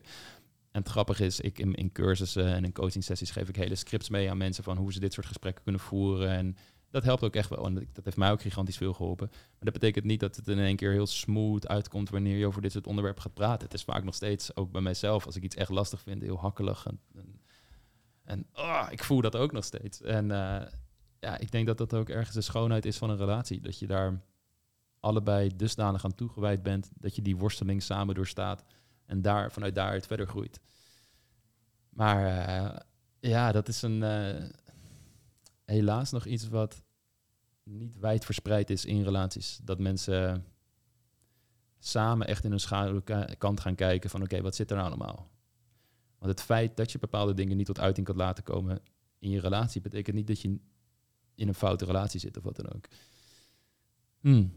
Oké, dus deze man die bracht dingen in jou naar boven in ieder geval waar je dacht van oké, dit voelt goed, voelt meer vertrouwd met mijn relatie blauwdruk, wat ik prettig vind. En in het begin was het fa- fantastisch. Uiteindelijk zit je in die relatie met hem. Hoe ging dat verder? Ehm, ja, langzaam maar aan begonnen er dingen te veranderen. Ehm, ik mocht iets niet meer. Ik mocht niet meer in de horeca werken. Of, eh, Toen de tijd waar jouw hoofdinkomen was horecawerk. Ja, dat was toen. ehm, ik werk nu zeg maar op kantoor. En Mhm. in die tijd was er, eh het was de tijd van de recessie. Er was helemaal geen werk. Toen heb ik even vier jaar in de horeca gewerkt. Mhm. En ehm, nou ja, wij hebben elkaar dus ook leren kennen in de horeca. En ik mocht dus van hem niet meer in de horeca werken. Wat, hoe ging dat? Weet je dat nog? Hoe dat gesprek of de eerste keer dat hij dat, dat zei, hoe, of hoe is dat ingemasseerd? Ja, dat ging heel, dat ging heel langzaam aan. Ja. Ik mocht eerst niet meer een drankje drinken achter Precies. de bar. Ehm, toen werd ik daarop gecontroleerd. Ehm, ja, dat, ik Jij mocht het- geen drankje meer drinken achter de bar. Nee. Dus dan Hmm. Ging hij echt kijken of ik geen alcohol in mijn drink had. En ging hij er echt een slokje uitnemen. dat kwam langs op je werk? Of het was een maar- collega op ja, werk? Ja, ja, ja. Ja. Aha. En wat werd er dan gezegd als reden daarvoor? Ja, want dan kun je je niet meer goed gedragen. En dan zien mannen dat. En dat vind ik niet normaal. En dan zet je me voor schut. Eh, Precies, ja. Duidelijk. En op een gegeven moment mocht je dus überhaupt niet meer in de horeca werken. Wat, was, wat werd daar dan bij verteld? Ja, het was gewoon heel duidelijk. Eh, je pakt nu je telefoon en je zegt je baan op. Hoe zo? Nou, daar hoeven geen discussie over te voeren. Je doet het maar gewoon. En dan neem ik aan dat je zegt, oh, maar het is mijn baan. Ehm, sorry, maar waarom, waarom moet ik stoppen bij de horeca werken? En Ja. dan? Ja, dan zegt hij, ja, dat interesseert me niet. Je zoekt maar gewoon een andere baan. Ik wil het niet. Ik wil het nor- niet. Ik vind het niet normaal dat een vrouw eh, achter de bar staat. Al die mannen die aan de bar hangen, dat, nee, Mhm. dat wil ik niet. Oké. Wat ging er toen in jou om op dat moment? Ja, in eerste instantie heel veel weerstand. Want eh, ja, hey, je hebt me zo leren kennen en nu mag ik dit ineens niet meer. Maar ondertussen gelijk heel veel angst. Want ja, als ik dit nu niet doe, en hij zei het ook, als je het nu niet doet, pak je nu je koffer en dan ga je nu weg. Ja, hé, hey, dan moet ik weer naar mijn ouders toe. Eh, dan heb ik gefaald. Dan is mijn vorige relatie kapot gegaan voor deze man. En uiteindelijk zit ik helemaal niet meer in een relatie. Hé, hey, dan ben ik alleen. Hé, hey, dan heeft hij volgende week een andere vrouw. En dan moet ik dat allemaal aanzien. En ja, die pijn, ja, dat, daar kan ik niet mee omgaan. Dat is hem. Ja, Daar kan ik niet mee omgaan. ja, Want de pijn is inderdaad iets wat iedereen zou ervaren. Maar op het moment dat je, en dan komen we weer terug op de eerdere dingen, die emotieregulatie mist, het gevoel hebt meegekregen dat jij er wellicht niet echt toe doet, wat een kernassumptie is waar je de rest van je wereldbeeld op gaat bouwen, dan is het heel logisch dat daten zo eng is. Want ja, wie zit er nou op jou te wachten? En je hebt geluk dat je hem hebt aangetrokken, want ja, als je hem niet had, dan... En allemaal van dat soort dingen creepen er dan in en worden vaak op hele sneaky manieren van in het begin een beetje subtiel, naar uiteindelijk gewoon paf, echt straight in your face, wordt het vaak opgebouwd. Dingen zoals eh, in het begin van, eh, oh, je bent misschien wel een beetje aangekomen, bijvoorbeeld zoiets kleins wat, ze kunnen, wat iemand kan zeggen, tot naar, ja, je hebt maar geluk dat je met mij bent, want wie wil jou nou? En heel langzaam krijgt iemand dan steeds meer macht over je, omdat je in een hele afhankelijke positie terechtkomt. En zodra je in een afhankelijke positie terechtkomt en niet het gevoel hebt dat als je op eigen benen staat, het allemaal oké gaat zijn, want eh, je weet dat je heel veel waard bent en dat je iemand kunt ontmoeten die weer goed bij je past, dan ga je opofferingen maken die ten koste gaan van jezelf, om die relatie maar vast te houden en je vast te klampen uiteindelijk ben je toen gezwi- ge- gezwicht daarvoor. ja. Weet je nog wat, wat er toen door je heen ging? Hoe je je voelde, wat het met je deed? Gebeurde er iets? Of, Ehm, hmm, moet ik even teruggaan naar dat moment. En je bedoelt dan dat ik zeg maar mijn baan ging opzeggen? opzeggen, ja. Ja. ja, ik voelde me eigenlijk ook wel heel klein. Ik werd gewoon de les gelezen. En ik moest iets doen wat ik niet wilde. Ja. Ik voelde me eigenlijk ook wel heel erg verschut staan, want ik moest mijn werkgever opbellen. Dat ik gewoon per direct niet meer zou komen. En ondertussen zou hij daar gewoon nog steeds heen gaan. Hmm, En ik mocht daar niet meer zijn. ja. Hoe ging dat verder vanaf daar? Ehm, ja, ik zat op een gegeven moment eigenlijk een soort van vast in een kooitje. Want ik moest bij hem komen wonen, dus ik had geen eigen huis meer. Had je huis verkocht? Ehm, nou ja, ik woonde eerst samen met, eh, met de partner ervoor. Mhm. En ik had toen daarna heel even een eh, ander huisje gevonden. Dat kon ik tijdelijk huren. Maar dat moest ik van hem echt opzeggen. Hij, wou, hij zei van ja, als je een relatie hebt, dan hoor je gewoon samen te wonen. Mhm. Ja, was ik het ook niet helemaal mee eens. Maar ja, hij wilde dat. En ik voelde me eigenlijk ook nog wel een soort van speciaal. Want ja, hij wilde met mij samenwonen. Ehm, dus ja, je bent op dat vlak ben je afhankelijk van iemand. Nou ja, vervolgens eh, moet je je baan opzeggen. En wat ik al zei, het was in de tijd van de recessie. Dus het was gewoon heel lastig om werk te vinden. Ja. En als je al wat had, dan was het vaak een, een, nul-uren contract. Eh, dus helemaal geen financiële zekerheid. En ook helemaal niet eh, de mogelijkheid om financieel onafhankelijk te zijn. Vanuit daar kwam de volgende stap, ja, het kleineren. Dus ja, echt de gemene dingen zeggen. Lelijk, dik wijf. Ehm, je mag blij zijn dat je met mij een relatie hebt. Hmm. Eh, dreigen. Als je dit niet doet of dat niet doet, dan pak je nu je spullen en dan ga je weg. Dus op een gegeven moment weet je ook wel van dit kan ik wel tegen hem zeggen of dit niet. Of dit ga ik niet eens vragen of ik dat mag, want dan trigger ik hem. En uiteindelijk, als ik hem triggerde, dan uitte zich dat in fysiek geweld. Mhm. En op, de, op het dieptepunt was dat uiteindelijk een gebroken arm. Mhm.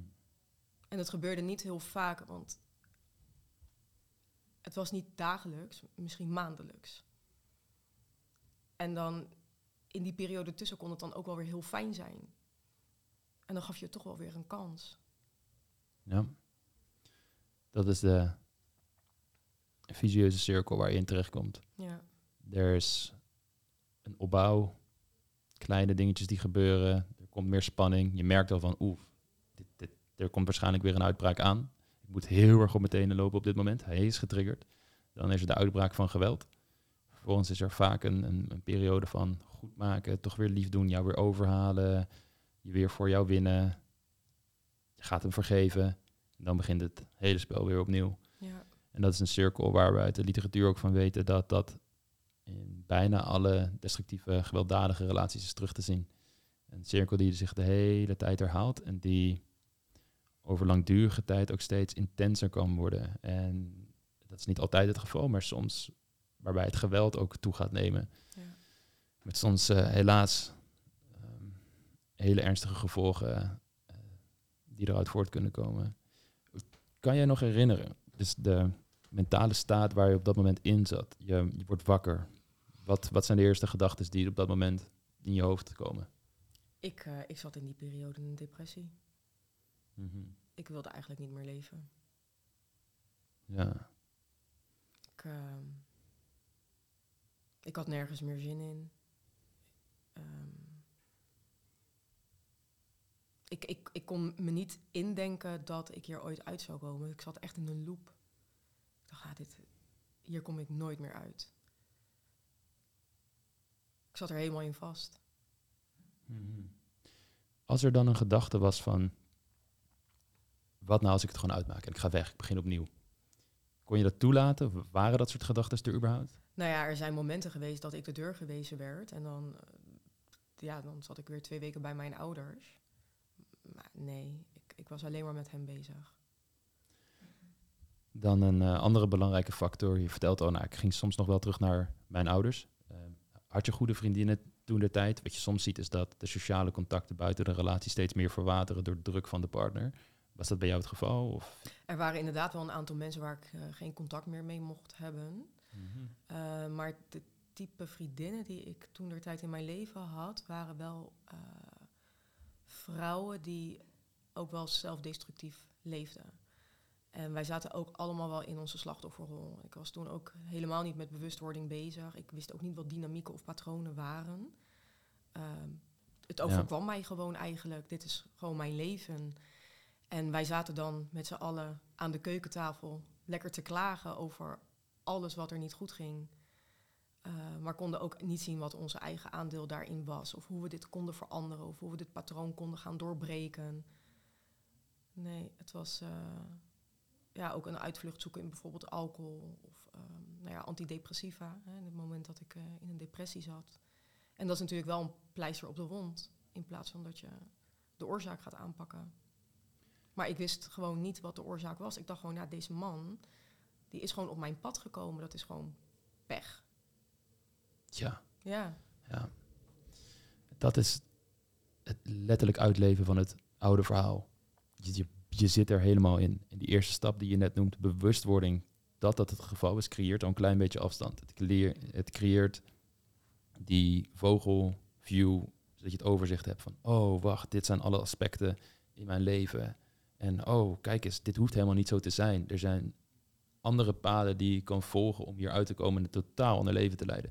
Maar wanneer je erin zit, als je zit zeg maar in het maisveld in plaats van dat je erboven zit en overzicht creëert. Mm Je bent als een soort van blaadje in de wind, wat gewoon meegenomen wordt en maar land waar de wind op dat moment, moment heen bijt. Kan jij herinneren wat het moment was dat het wellicht begon te dagen bij jou van oké, eh, deze patronen die ik hier mee meedraag, volgens mij is er een andere manier om te leven. Of ja, het woord patronen was nog niet eens het geval, maar er moet een andere, andere manier zijn om hiermee om te gaan. Um, nou ja, als ik even kijk naar die relatie. Ehm, op een gegeven moment kwam de relatie natuurlijk op zijn eind. En uh, ik heb de relatie verbroken. Um, ja, in het begin heb je nog een soort van de hoop van, oh, misschien moet ik iemand beter uh, proberen te begrijpen. Of misschien kan ik hem wel veranderen. Of uh, misschien moet ik zelf gewoon wat liever zijn. Maar na een aantal jaar merk je gewoon dat uh, hoeveel je ook aanpast, het is gewoon nooit goed. En ja, heel veel mensen hadden in de tussentijd ook contact met mij opgenomen. Ook vrouwen uit zijn verleden die uh, nou, eigenlijk hetzelfde hadden meegemaakt. En in eerste instantie hield ik mijn ogen daar ook gesloten voor. Van ja, die zullen wel jaloers zijn. Uh, die willen gewoon stoken in onze relatie. Maar toen ik zelf het een en ander met hem had meegemaakt, en dat werd ook steeds erger en erger en erger, plus een depressie erbij. En dan die verhalen van al die andere mensen.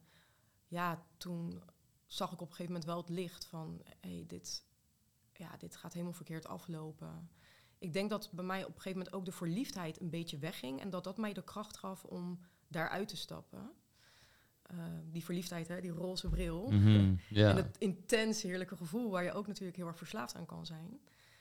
Um, ja, dat, dat ging een beetje weg en ik ben toen uit die relatie gestapt. En toen heb ik eerst nog een jaar echt in mijn slachtofferrol gezeten. Van hè, hoe heeft hij mij zo kunnen behandelen? En nou, ik was heel erg kwaad en heel erg verdrietig. En toen dacht ik op een gegeven moment van... Ja, maar hé, hey, ik zit hier nu iedere keer huilend onder de douche op de grond. En hij leeft gewoon zijn leven verder. Dus nu blijf ik gewoon een slachtoffer in mijn eigen verhaal. Dus dit moet ophouden. En dat was eigenlijk het moment dat ik ook met uh, bewustwording en spiritualiteit in aanraking kwam. En um, wat voor mij echt een, het moment was zeg maar, van ontwaken, dat was um, toen ik op mijn verjaardag uh, met een vriendin op stap ging. En um, ik heb in die voorgaande jaren uh, best wel geëxperimenteerd met, uh, met drugs. Ik ben nooit verslaafd geweest. ik heb periodes gehad waarbij het heel veel gedaan werd, maar ook periodes waarbij ik het gewoon een hele tijd ook niet deed. Um, toen op mijn verjaardag heb ik ja, weer MDMA genomen, een ecstasy-pilletje. Mm -hmm. En die werkte niet. En ik was gaan liggen op de bank en ik zat te wachten tot het zou gaan werken, maar ik deed gewoon helemaal niks. In plaats daarvan kreeg ik een soort van helder moment van waar ben je nou eigenlijk mee bezig? Je bent uh, ja, alleen maar op stap aan het gaan. Drugs, drank, uitvluchten. Samen met mensen die alleen maar eigenlijk klagen over alles, maar helemaal geen verantwoording nemen. Um, dit moet anders. En dat was voor mij ook het moment dat ik besloten had nooit meer drugs te gaan gebruiken. Uh, wat ook ja, nog steeds zo is eigenlijk, zonder mm -hmm. moeite. mm. um, waardoor je eigenlijk ook meer ruimte in jouw mind creëert. En ook trouwens meer tijd, want er gaat ook wel tijd uh, in zitten. Ja. Om uh, ja, te reflecteren. En uh, ja, bijvoorbeeld boeken te gaan lezen of ja, naar lezingen te gaan. En zo bekend te raken met patronen en dynamieken. En ook de spiritualiteit. Helder. Op de momenten dat je bij je ouders kwam, als je dan de deur gewezen was en je zat daar twee weken, hoe klopte je daar aan? Hoe ging je dan naar je ouders toe? Wat vertelde je hen? Ja, we, hebben, we liggen even niet zo lekker met elkaar. Kom even bij jullie slapen. Ja. Wat zeiden ze dan? Ehm, ja, eigenlijk niet zo heel veel. Maar ik denk dat, dat ze het misschien wel begrepen, omdat zij zelf heel vaak ruzie hadden. Ja. En ik vertelde natuurlijk ook niet de echte verhalen. Mhm. Want toen mijn arm gebroken was, vertelde ik aan iedereen dat ik van de scooter gevallen was. Ja. Ja.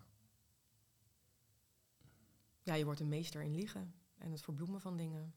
Waren er mensen die het echte verhaal kenden in jouw omgeving? Mm, ja, er waren wel een aantal eh, die dat wel wisten, ja. Wat voor reactie kreeg je dan wanneer je dat echte verhaal vertelde? Ja, kom op nou Denise, nu is het toch zeker wel klaar? Ja. Ja, en dat kon ik op zo'n moment misschien ook wel voelen. Maar ik wist eigenlijk ook wel dat al heel snel ik er toch wel weer in zou zitten. Het voelt echt als een verslaving. Ja. Ja, en dat je kan dan zeg maar gaan afkicken en je bent een paar dagen heel sterk. Totdat bijvoorbeeld de supply ineens voor je deur staat op precies het juiste moment. Het zwakke moment. Hmm. En dan zit je er gewoon weer vol in.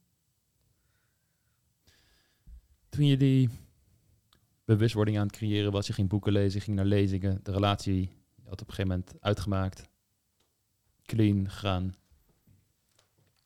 Kun je nog dat moment beschrijven hoe dat voor jou was? Dat je deze nieuwe wereld aan informatie gaat ontdekken en wellicht jezelf ook veel beter gaat begrijpen.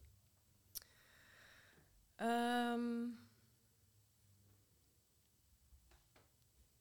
ja, ik zit te denken waar ik ga beginnen. Ja, het is, het is namelijk heel veel geweest, want ik ging yoga doen en ik ging mediteren. Mm. En, ehm, Hoezo specifiek die dingen? Hoe, hoe kwam dat? Ehm, nou ja, yoga dat heb ik vroeger al wel eens gedaan, omdat ik ehm, toen ik twintig was mijn eerste burn-out kreeg. En toen werd mij geadviseerd van, joh, ga, ga yoga doen. Dus ik wist wel dat dat goed voelde voor mezelf, voor mijn lijf. En ehm, ja, waarom ik dat dan toen... Interessant Ja. dat je, sorry hier, ehm, maar burn-out niet genoemd had toen ik vroeg van, hey, zijn er nog andere benoemswaardige dingen gebeurd in je Ja, leven? klopt. Ging die wel door je gedachten heen? Of? Ah, Nee. ah. nee. Hmm. De reden waarom ik vroeg van, hey, hoezo yoga en mediteren en noem maar op, is omdat yoga een eh, vaak aangeraden, tenminste tegenwoordig dan, ehm, activiteit is voor mensen die trauma's te verwerken hebben om weer in contact te komen met het lichaam. Dus Bessel van de Kolk, bijvoorbeeld een bekende eh, psycholoog, trauma-expert, die het boek Traumasporen heeft geschreven en die heeft een heel hoofdstuk daaraan gewijd, onder andere yoga. En het werkt op meerdere niveaus. Ik zou zeggen dat het werkt om weer in contact te komen met je lichaam, te gaan voelen als je echt traumatische dingen hebt meegemaakt.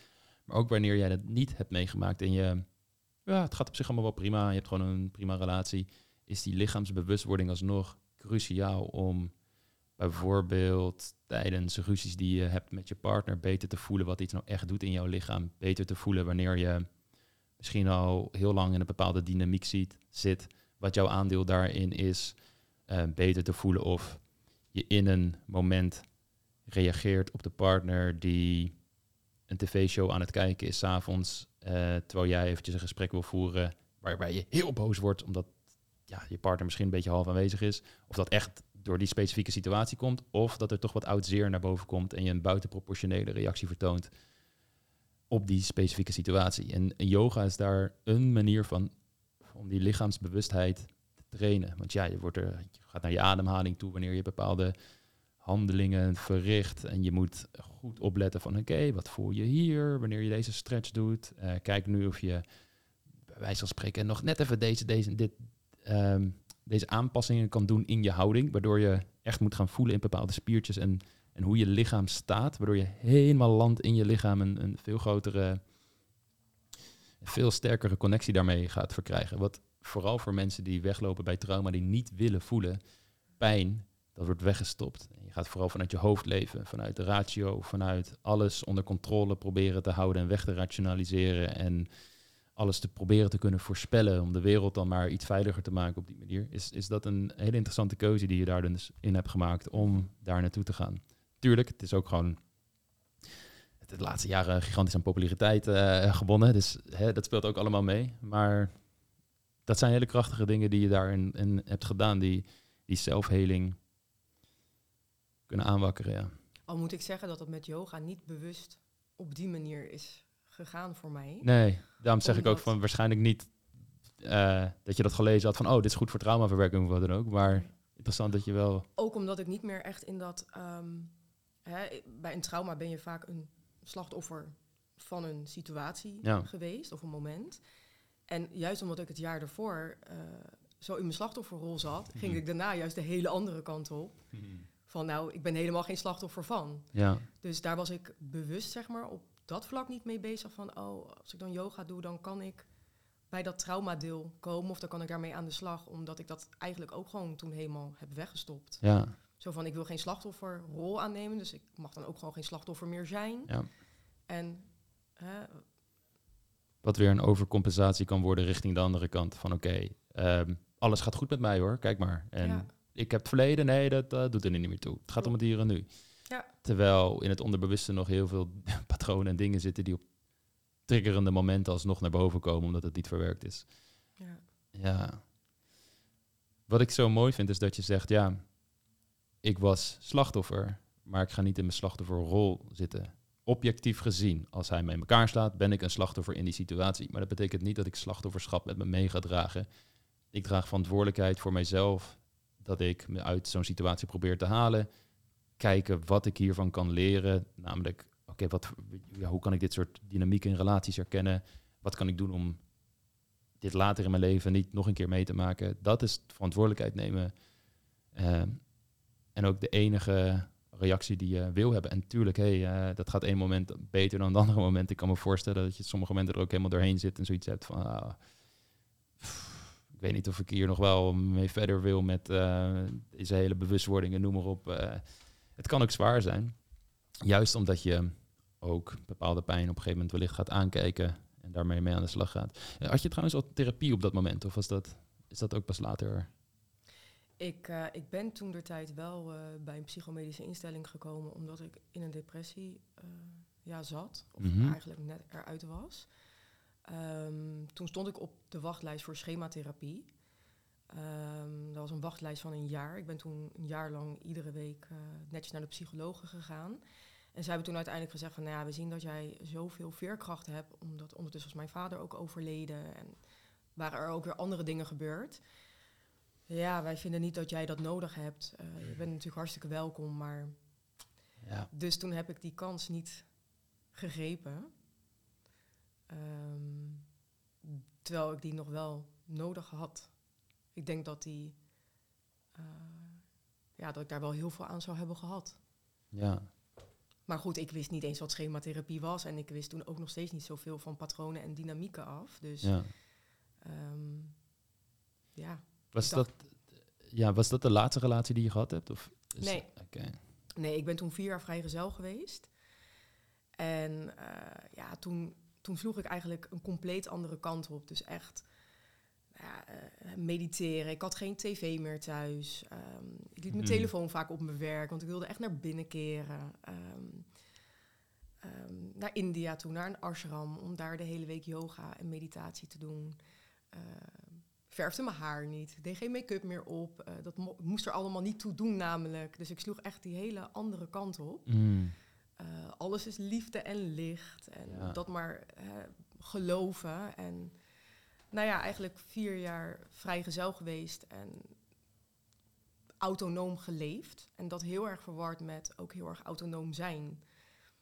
En niet meer codependent zijn dus. En dat ja... Mooie distinctie. Was... Autonoom leven en autonoom zijn. Ja, ja dat, dat gaat uh, zonder relatie... Uh, ging me dat eigenlijk heel goed af. Ja. Ja. Want er zijn geen triggers. Nee, dus, uh, niet zulke heftige. En ik was er echt van overtuigd van, nou ja, ik heb nu gemediteerd en yoga Ja. gedaan en al die boeken gelezen. Dus ja, ik, eh, ik weet het nu helemaal. En dat gaat helemaal goed komen. Dit is wat ik zo vaak zie. Eh, helaas. Je hebt natuurlijk van die bekende statistieken van hey, 10% is je bewustzijn, 90% ongeveer is je onderbewustzijn. En dan heb je dat prachtige plaatje van de ijsrots. Het klein stukje zit boven water, de rest zit onder water. In dat onderbewustzijn worden heel veel gewoon lichamelijke functies gereguleerd, zoals je hartslag, ademhaling, lichaamstemperatuur, noem maar op. Maar er is ook een stuk herinneringen, overtuigingen, kernassumpties die jouw wereldbeeld vormen. Waarop je een identiteit ook gaat bouwen, die ook allemaal daar weggestopt zit. Net als allerlei pijnlijke, moeilijke ervaringen. Meditatie en zo is een prachtige tool om bewust te worden wanneer bepaalde triggers naar boven komen. Dat te zien van hé, hey, hier gebeurt iets. Maar dat betekent niet dat het ook verwerkt is. En wat ik heel vaak zie is dat mensen, vooral wanneer ze een, een zwaar negatief oud verhaal met zich meedragen, bijna een bepaalde energie, dat ze dan in die overcompensatie schieten. Eigenlijk zoals jij ook vertelt. Ja, het is er niet. We schuiven het onder het kleed, dus ik kan niet aan denken. Law attraction, alleen nog maar positieve gedachten. Hup, we gaan die kant op. Trek ik dat vanzelf aan in mijn leven. Want zo werkt dat toch? En er zit een kern van waarheid in. Ja, dat werkt zo totdat je over emotioneel overweldigd wordt. Zodra je emo emotioneel overweldigd wordt door een daadwerkelijke trigger in je leven, dan komen die onderbewuste patronen weer naar boven en nemen je dan over en die ga je weer uitleven. En wanneer die pijn zo heftig is, dat je het de hele tijd met veel energie naar beneden moet drukken, of maar vooral niet aan moet denken, dan gaat er een moment komen dat je toch wat vermoeider bent, stress hebt, druk bent, eh, of gewoon een hele heftige triggerende situatie ondervindt, waarbij dat toch naar boven gaat komen en je in dat conflict met die patronen gaat komen. En dan kun je echt, dus een paar jaar, gewoon wel gewoon een gelukkig leven leiden verder en helemaal oké zijn. Maar zodra die triggers gaan komen, wordt dat oude verhaal weer opgegraven en is het er weer. Ja. En, en die distinctie tussen ehm, een spiritueel leven leiden, bewustzijn van dingen, mediteren, yoga, al die prachtige dingen die er zijn. Als het niet gepaard gaat aan het diepe innerlijke werk om ook echt je schaduwkant in te gaan, je angsten te verwerken, je pijn.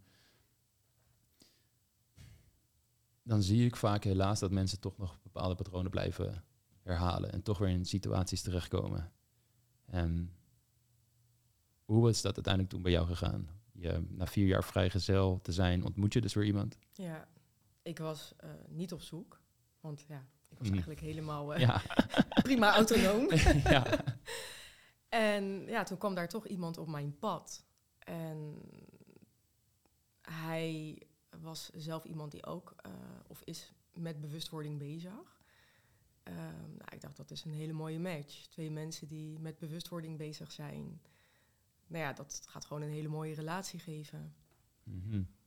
Maar ook daar kwamen weer dezelfde patronen eigenlijk naar boven. En weer dezelfde dynamiek als de relatie ervoor. Hoe zag dat eruit in deze specifieke relatie?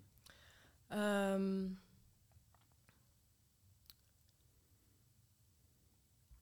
nou ja, waar het zeg maar eigenlijk, als ik kijk naar mezelf, waar ik ehm, eigenlijk een aandeel in had moeten nemen, is dat ik al best wel snel eigenlijk achter een leugen kwam. En ik had heel duidelijk de afspraak gemaakt met mijn partner toen der tijd, maar ook met mezelf, dat voor mij liegen echt een no-go zou zijn. En natuurlijk, weet je, je hoeft niet iedere scheet van iemand te weten. Mhm. En ook niet iemands hele levensverhaal. Maar dingen die wel in het hier en nu er echt toe doen. En die ook bijvoorbeeld schade kunnen toebrengen aan de relatie. Het is gewoon heel belangrijk dat daarover gesproken wordt. Ja. En hoe je dat doet, dat maakt mij niet zo heel veel uit. Al zou je dat via een briefje doen en dat je dan even een week weggaat omdat je het gewoon heel eng vindt en niet durft. Dat zou ik eigenlijk al helemaal prima vinden. Uh, maar ja, er is gewoon over iets uh, tegen mij gelogen. En ja, aan de ene kant dacht ik van... hé, hey, hier waren duidelijke afspraken over gemaakt. En ook hè, met mezelf had ik hier afspraken over gemaakt. Maar aan de andere kant dacht ik, ja, wat is dan de keuze? De relatie beëindigen. Ja. Maar ja, de rest is zo leuk en zo mooi. Ga ik het dan hier echt van laten afhangen? Ja. En dat is eigenlijk de eerste grens die heel duidelijk was, die ik alweer verlegd heb. Of waar ik overheen heb laten gaan. Ja. Ja, en dan op een gegeven moment ja, Hmm. breidt zich dat uit. Er wordt er vaker over grenzen heen gegaan. Maar dat is ook het moeilijke, toch? Want in elke relatie maken mensen afspraken. En in elke relatie worden sommige afspraken alsnog verbroken. Inclusief in mijn eigen relatie. En waar het vooral om gaat, en wat ik vroeger toen ook eh, aan mijn vriendin heb gevraagd: van hé, hey, dit, dat, dat was een afspraak die we hadden. Ik heb die verbroken. Hoezo ben je bij me gebleven? Hoezo was dit voor jou niet een, bijvoorbeeld een rode vlag om die relatie met mij stop te zetten? En zij zei: Ja, de manier waarop je ermee omging gaf me weer vertrouwen. En dat is niet dat dan het vertrouwen direct weer hersteld is, maar ik zag ten eerste oprecht berouw.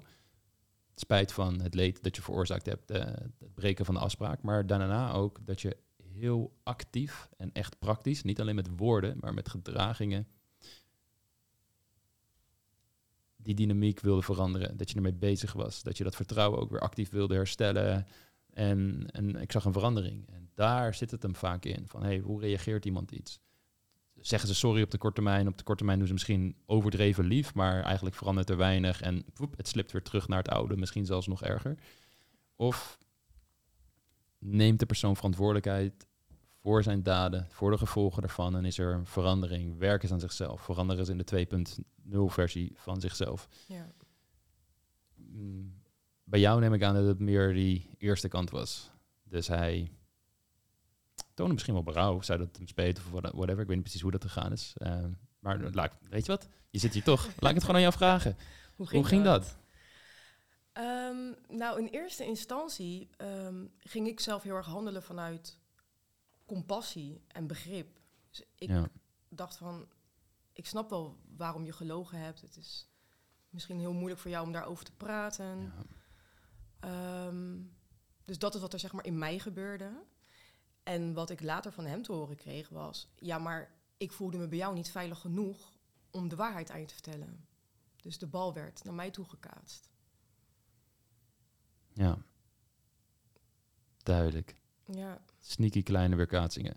Want zelfs als dat het geval is, dan is het alsnog zijn verantwoordelijkheid om te zeggen: hé, hey, ik weet niet of ik het wel met jou kan vertellen. En, en probeer iets aan de dynamiek te doen. Hmm, ja, hij heeft daar een eigen keuze in gehad. ja. Maar goed, ik besef natuurlijk dat dat voor mij... dat zou een rode vlag zijn. ja. Maar ja, ik zat er alweer helemaal volledig in. Dat is ook een kernconcept wat mensen echt gescheiden moeten houden. Namelijk, je kunt iets begrijpen zonder het te accepteren. Ja, Je kan perfect begrijpen van in iemands verleden waarom ze tot een bepaalde keuze komen. Maar dat betekent niet dat ze daardoor gedoemd zijn om tussen aanhalingstekens kwade keuzes te maken. Er zijn mensen die soortgelijke situaties hebben meegemaakt en een goede keuze maken.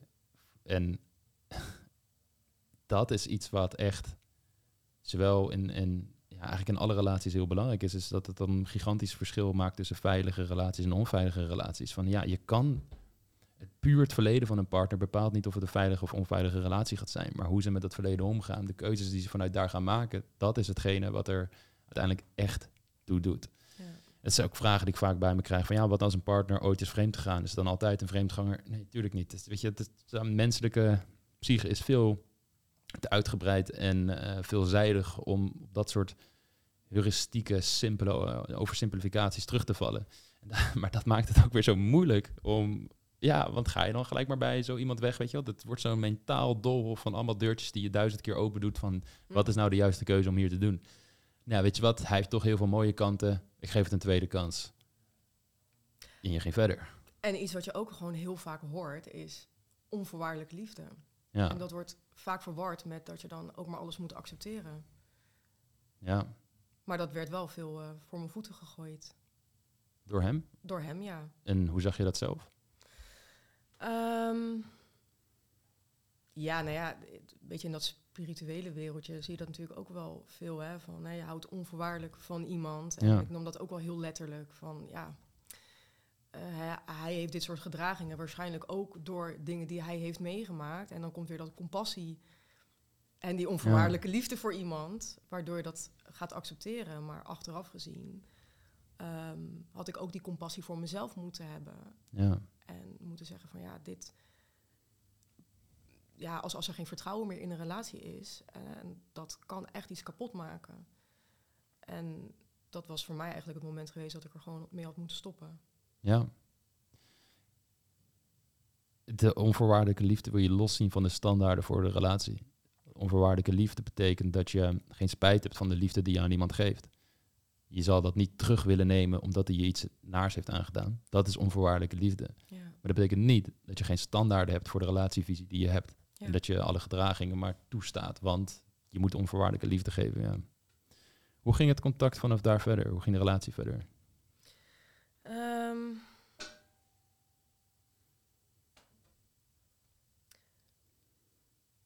Ja, uit bescherming voor eh, eh, bepaalde mensen kan ik niet te veel in detail treden. Ehm, dus ik zit even te denken hoe ik dit ga vertellen. Ja, er kwam gewoon op een gegeven moment kwam er een switch. Ehm, wat ik in het begin heel erg heb meegemaakt is dat ehm, eigenlijk alles too good to be true was. Dus eh, mijn partner was heel romantisch. Was al heel snel, ik hou van jou, eh, naar elkaar toe hoor. Ook ik net zo goed. Eh, ja, zelfs van, nou, ik denk niet dat wij ooit ruzie gaan krijgen. Of wij zijn echt perfecte stijl. Eh, dat werd ook heel erg uitgedragen op social media. Ehm, ook vooral door hem. En ja, de partner ervoor, die deed dat dus totaal niet. Die hield mij helemaal weg, juist van zijn buitenwereld. Dus voor mij voelde dit heel erg goed. Van, hé, hey, deze man is heel erg trots om mij te laten zien. Ja. Ehm, toen kwamen we op een, kwamen we in een bepaalde fase waarbij je ook ja, ehm, een soort van afhankelijk van elkaar wordt. En ik ga hierin ook niet te veel in detail treden. Hè, maar dat kan bijvoorbeeld samenwonen zijn of je gaat trouwen. Of... Mhm. En ehm, toen zag ik wel dat dat gedrag wat hij voorheen had, dus ja, ik noem het nu achteraf gezien een beetje lovebombing, ehm, dat dat de andere kant op ging. Dus waar hij eerst, ik zal even een concreet voorbeeld geven, waar hij eerst als ik thuis kwam uit mijn werk eh, de, de wasdroger had gelegen en een was op een vrouw, dacht ik, wow, dat, dat een man dat doet, hè? dat heb ik nog nooit meegemaakt, zoiets. Ehm, gebeurde dat niet meer, maar ja, vond ik juist eh, kleding op de grond, zeg maar, wat hij had laten slingeren. Dus het ging ineens de hele andere kant op. Maar al in een fase waarbij je niet meer zo makkelijk eh, van elkaar los kan komen. Door andere dingen, zeg maar, die er spelen. Ja. En ehm, ja, ik, ik heb zeg maar zelf, ehm, denk ik, door, ook door mijn ouders niet echt geleerd hoe ik grenzen kan aangeven zonder eh, geweldloze communicatie. Mijn ouders die schilden altijd tegen elkaar en die scholden tegen elkaar. Ehm, als ik zeg maar zoiets zag, dat, en dat irriteerde mij, dat triggerde mij, ehm, dan durfde ik dat niet echt nou ja, aan te geven. Ja. Op een emotioneel volwassen manier. Ja. Ik deed dat dan bijvoorbeeld met bepa- bepaalde hints geven of bepaalde nou, opmerkingjes hier en daar. In de hoop dat dat dan zou veranderen. Maar dat, dat gebeurde niet. Nou ja, tot op een gegeven moment ja, voor mij ook de maat vol was. En ja, dan ga je grenzen aangeven. Ja, en dan, dan barst die bom. Dan Mhm. klapt die luchtbel ook uiteen. Ondertussen kwam ik er ook achter dat hij contacten had met vrouwen uit zijn verleden. Dat hij eigenlijk al een lange tijd eh, met mensen besprak dat hij bij mij weg wilde gaan. Terwijl we eigenlijk net ervoor hele eh, grote stappen hadden genomen. Bijvoorbeeld eh, samen een huis kopen. We, woonden er nog niet hoor, maar we waren daar wel echt heel serieus mee bezig. Dus wij hadden wel echt hele serieuze toekomstplannen gemaakt. En niet alleen maar een beetje romantisch op de bank daarover zitten praten, maar echt wel serieus een koopcontract ook ondertekend. Ja, en toen kwam ik erachter dat hij eh, al maanden ervoor tegen mensen had te vertellen dat hij bij mij weg wou. En dat zijn dingen waar ik toen achter ben gekomen. Hmm. Als je hem daarmee confronteerde, wat gebeurde er dan? Ja, dat was eigenlijk de eerste keer dat ik hem eh, op een soort van agressieve manier meemaakte. Ja, ik, ehm, ik heb toen een berichtje naar hem toegestuurd uh, onder werktijd, hem daarmee geconfronteerd. En toen hij thuis kwam, ging hij gewoon zitten, heel nonchalant op de bank. En nou, hij vond niet dat we daarover hoefden te praten. En dat is eigenlijk de eerste keer dat ik boos op hem ben geworden en hij ook boos op mij is geworden. Mhm. Hij vond dat jullie daar niet over hoefden te praten. Dat, dat, dat zei hij gewoon van, nou, dat doet er niet toe. Stel je niet zo aan. Hij zegt, ik zie niet in waarom ik met jou hierover moet praten. Hmm. Hoe ging het vanaf daar verder? Um, ja, op een gegeven moment was voor mij de maat vol. Ik uh, zat toen in een fase waarin ik heel erg moe was en ik uh, had eigenlijk juist zijn hulp heel erg nodig. Uh, fysiek had ik dat echt nodig. hij had er voor mij moeten zijn en dat, dat was hij er niet. Dat, je kan van je partner wel bepaalde hulp verwachten, zeker als iemand het fysiek even zwaarder heeft.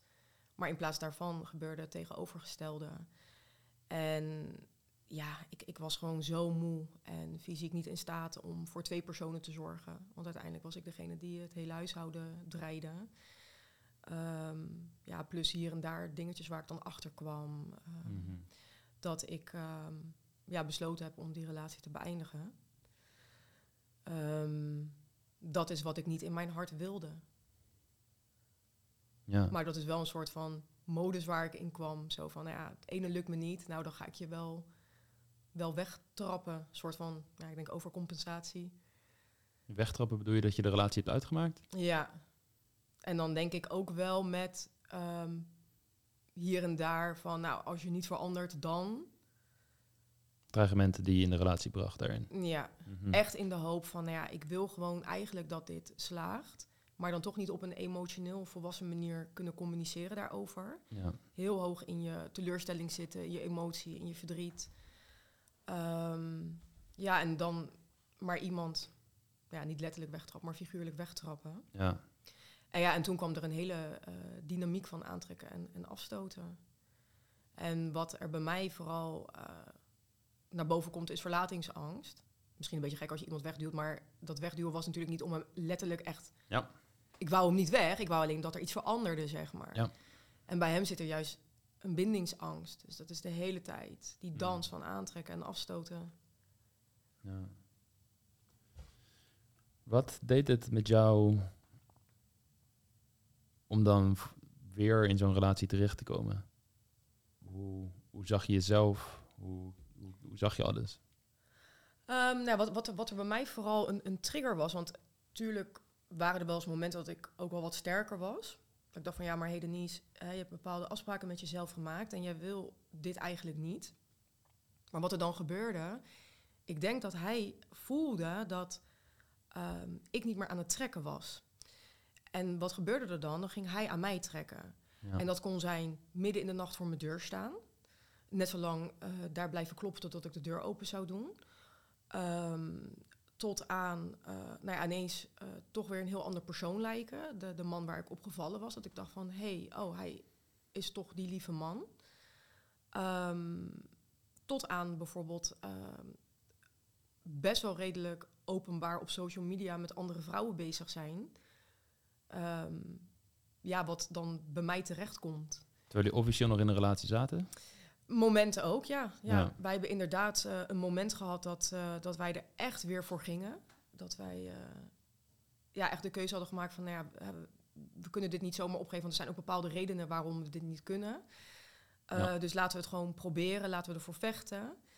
En dat ik er eigenlijk achter kwam dat hij ook een relatie met iemand anders had. En ik had dat vermoeden al een paar weken. En iedere keer als ik daarmee kwam, werd er gezegd van... Ja, nee, maar jij bent een borderliner. Je bent hartstikke jaloers. Je ziet ze vliegen. Um, ik maakte hem eigenlijk alleen maar heel erg kwaad daarmee. Um, totdat ik op een gegeven moment bewijzen had en dat voor zijn voeten gooide.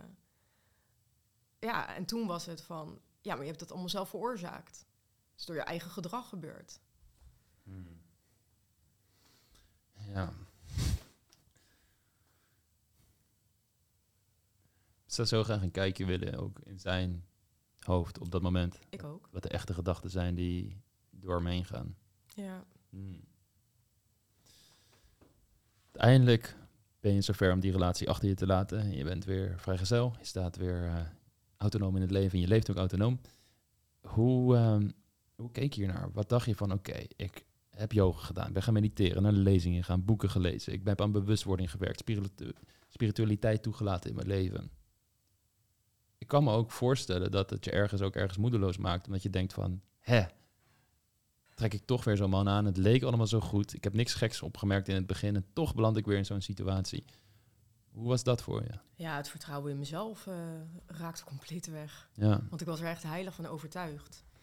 En um, ja, dit, dit, dit, ik heb gewoon hele, hele moeilijke jaren gehad. Ik heb echt, me echt heel erg rot gevoeld uh, op bepaalde momenten.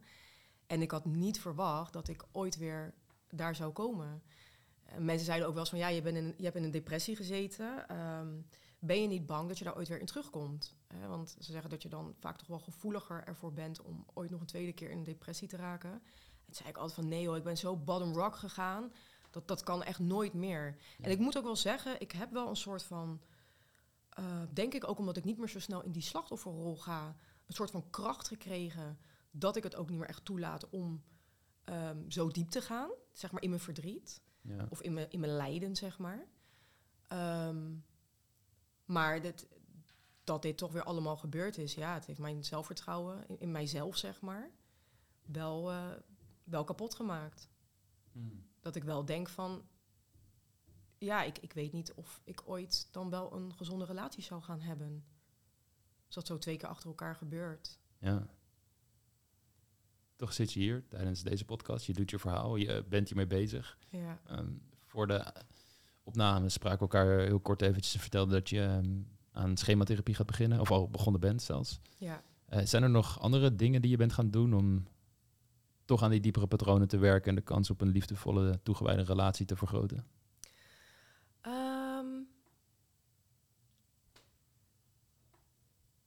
Nee, ja, op dit, op dit moment focus ik, focus ik mij echt op die, uh, op die schematherapie. Ja, helder, ja. ja.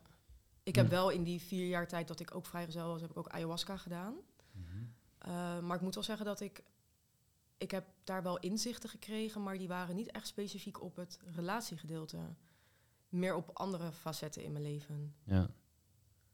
Ja, ja dat is het ook, hè. Ayahuasca is zo'n soort...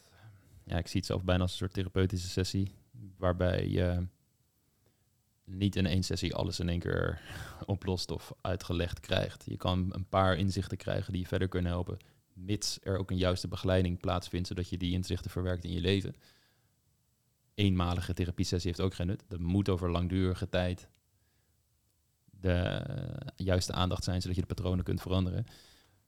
En daarom is het ook zo goed dat je nu met schematherapie aan de slag bent gegaan, wat een, een therapievorm is. Um, grappig genoeg ga ik er ook daar ook nog een podcast over opnemen in de toekomst, schematherapie. We gebruiken er zelf ook in onze coaching elementen van. Hm.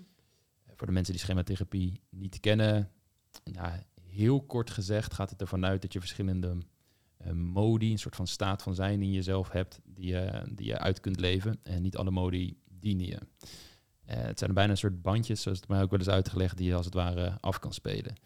Een klassiek voorbeeld is bijvoorbeeld je ouders uh, waren heel veel veel eisend.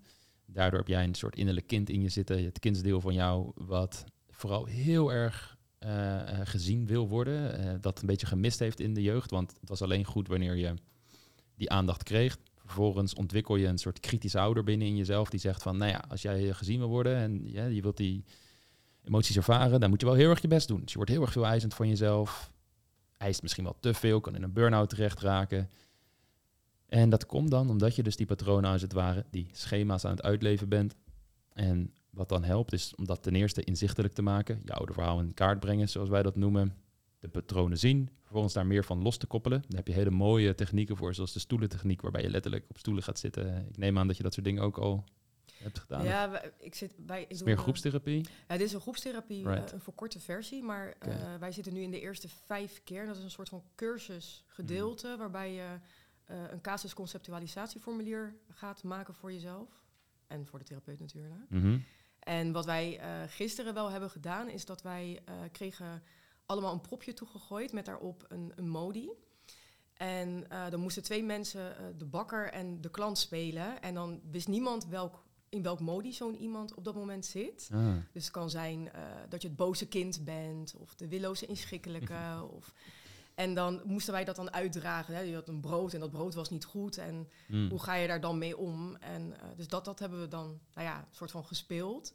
Eh, volgende week is dan de vijfde keer. En daarna beginnen, begint echt die 18 keer dat je echt de diepte ingaat. Dus hoe ver we dan gaan, dat weet ik dan nog niet. Dat is voor mij nog een nieuw terrein. Top. Ja, de, meestal zijn de eerste stappen bewustwording van, die, van de, het kinddeel dat je in hebt, het ouderdeel en de, de modi, de copingmechanismen die daaruit voortkomen. Ja. En dan is er nog een, een, derde belangrijk element en dat is de gezonde volwassene. De gezonde volwassene houdt in het deel in jou dat het beste met je voor heeft, maar ook in staat is om je bijvoorbeeld jouw emoties te reguleren. Idealiter is die gezonde volwassene heel sterk ontwikkeld omdat je ouders al het juiste voorbeeld hebben gegeven in je jeugd. Die helpen jou je emoties te reguleren, zodat je dat gezonde volwassene deel in jezelf ontwikkelt. En hoe we het bij mannenbrein zien, is dat die gezonde volwassene ook heel erg belangrijk is om een liefdevolle, veilige relatieblauwdruk te ontwikkelen. Want als je daarin zit, handel je vooral uit je gezonde volwassenen. Wat je vaak ziet, is wanneer je bijvoorbeeld de stoelentechniek doet, dus dan zet je drie stoelen neer, eh, heel eventjes een oversimplificatie. Op één stoel mag je alleen maar het kind zijn, op één stoel maar alleen maar de kritische ouder en op één stoel ben je de gezonde volwassene. En wat je dan soms merkt is dat mensen zich heel goed kunnen inleven in het kwetsbare kind en alle emoties die ze ervaren kunnen delen. Heel goed kunnen inleven in de kritische ouder, dus alle kritische negatieve gedachten die ze over zichzelf hebben. Maar het heel moeilijk vinden om de stem van de gezonde volwassene te vertegenwoordigen. En dat je als coach of therapeut dan vaak hen moet helpen, als het ware, om te laten zien hoe een gezonde volwassene eruit ziet. En op die manier is het mogelijk om dat deel in jou te versterken.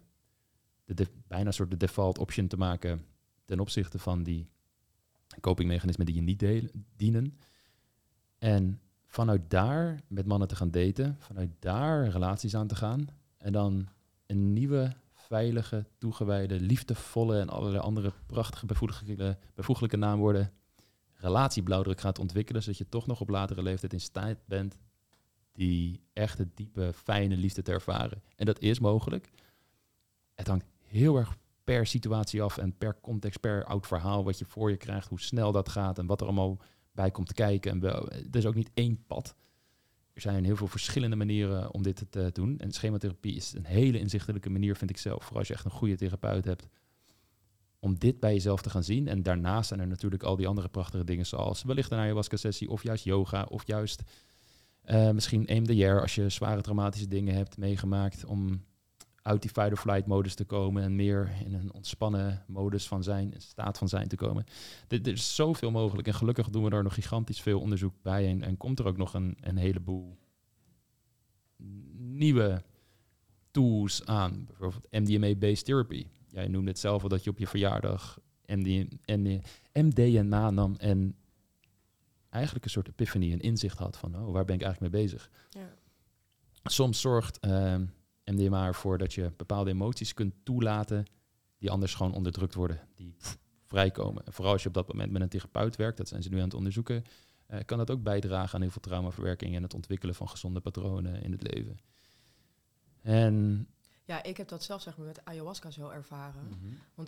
in die jaren dat ik de ayahuasca deed, of nam, ehm, dat, was, dat, dat waren die jaren waarin ik dus geen slachtoffer meer mocht zijn voor mezelf. En dat onderdruk je dan. ja. Maar je hebt wel traumatische dingen meegemaakt, maar je geeft niet de ruimte om ze er te laten zijn. En dat kwam wel met de ceremonies bij mij naar buiten. Dat was echt Hmm. veel huilen, zeg maar. ja, Ja. er kwam ruimte voor het verdriet. Ja, dat, dat, dat kleine verdrietige meisje, dat, dat mocht er dan gewoon zijn. En daar heeft mij dat Mhm. wel echt eh, geholpen. Het is, het is, ik weet je vooral voor mensen die hier niks van af weten. Ik, kan me, ik weet nog heel goed toen ik hier voor allemaal voor het eerst hoorde van innerlijk kind, kindsdeel. Ik dacht, ja, ik ben toch gewoon een volwassen vent, weet je wel. Wat, waar hebben ze het in hemelsnaam over? Maar het is zo interessant als je hier verder in gaat verdiepen en de daadwerkelijke uitwerking van dit soort ehm, rituele therapieën ziet en wat het met mensen doet. Eh, dat ik echt iedereen kan aanraden wanneer je met soortgelijke dingen worstelt om je erin te verdiepen. En zelfs al wil je gewoon uh, niet eens voor, misschien worstel je wel helemaal met niet per se heel veel dingen op dit moment in je leven, maar überhaupt deze kennis hebben, gaat je ook in situaties helpen waarbij het leven je wellicht wel wat worstelingen toe, toe verdeelt. En uh, ja, ik, uh, nogmaals, ik vind het echt ontzettend moedig dat je hier je verhaal wilde doen. Dat je hier zo eerlijk wilde vertellen over alles wat je hebt meegemaakt. Want eh, ik denk dat het belangrijk is dat dat soort dingen besproken worden. En dat het niet in een doofpot gestopt wordt. Ik kan me nog herinneren toen Jamie Vaas haar verhaal deed um, over haar relatie met Leeuw Kleine, dat er heel veel reacties waren, vooral van oudere generaties, viel me daarbij wel op. Dat die dat gek vonden. Dat was iets voor binnenshuis. Dat hoor je niet zomaar met mensen te delen. Terwijl als je gewoon naar de statistieken gaat kijken van hoe vaak huiselijk geweld, mishandeling, emotionele verwaarlozing voortkomt. Ja, dat zijn zulke enorme cijfers.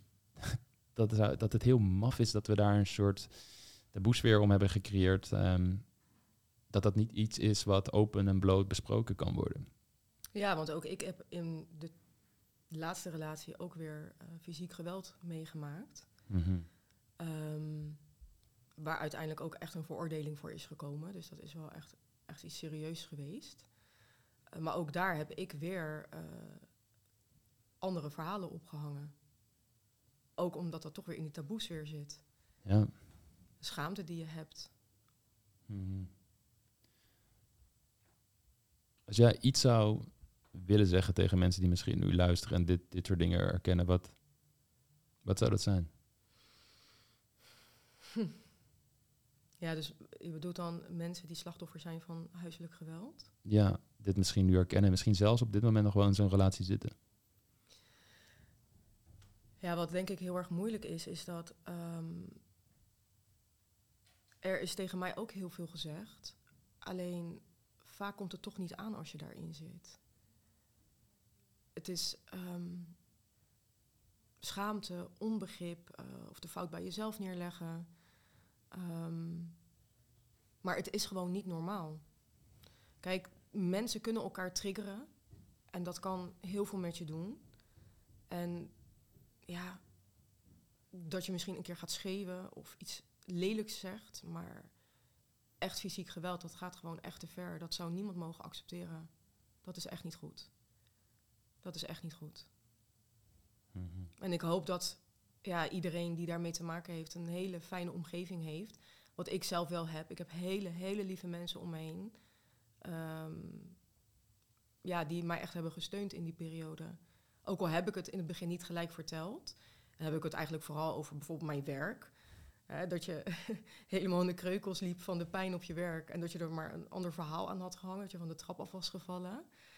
Ehm, maar ook omdat het nou ja, best wel een traumatische ervaring is. En moeilijk is om daarover te praten. Maar toch is het wel heel erg belangrijk om dat te doen. Om die steun bij anderen te vinden. Om dat verdriet en die pijn er te laten zijn. Ik zou in de beschrijving van deze uh, podcast in ieder geval nog uh, instanties, maar ook onze eigen pagina's uh, neerzetten. Voor mensen die misschien juist wel veiliger aanvoelt om iemand te benaderen die er wat verder vanaf staat dan ehm, de mensen in je directe omgeving. Ik wil jou in ieder geval ontzettend bedanken, Denise, voor je open eerlijke verhaal. En ik hoop dat er heel veel mensen zijn die daar veel steun uit kunnen halen en dezelfde soort dappere keuzes gaan maken als jij. Dankjewel. Dankjewel. Ik wil je ook bedanken.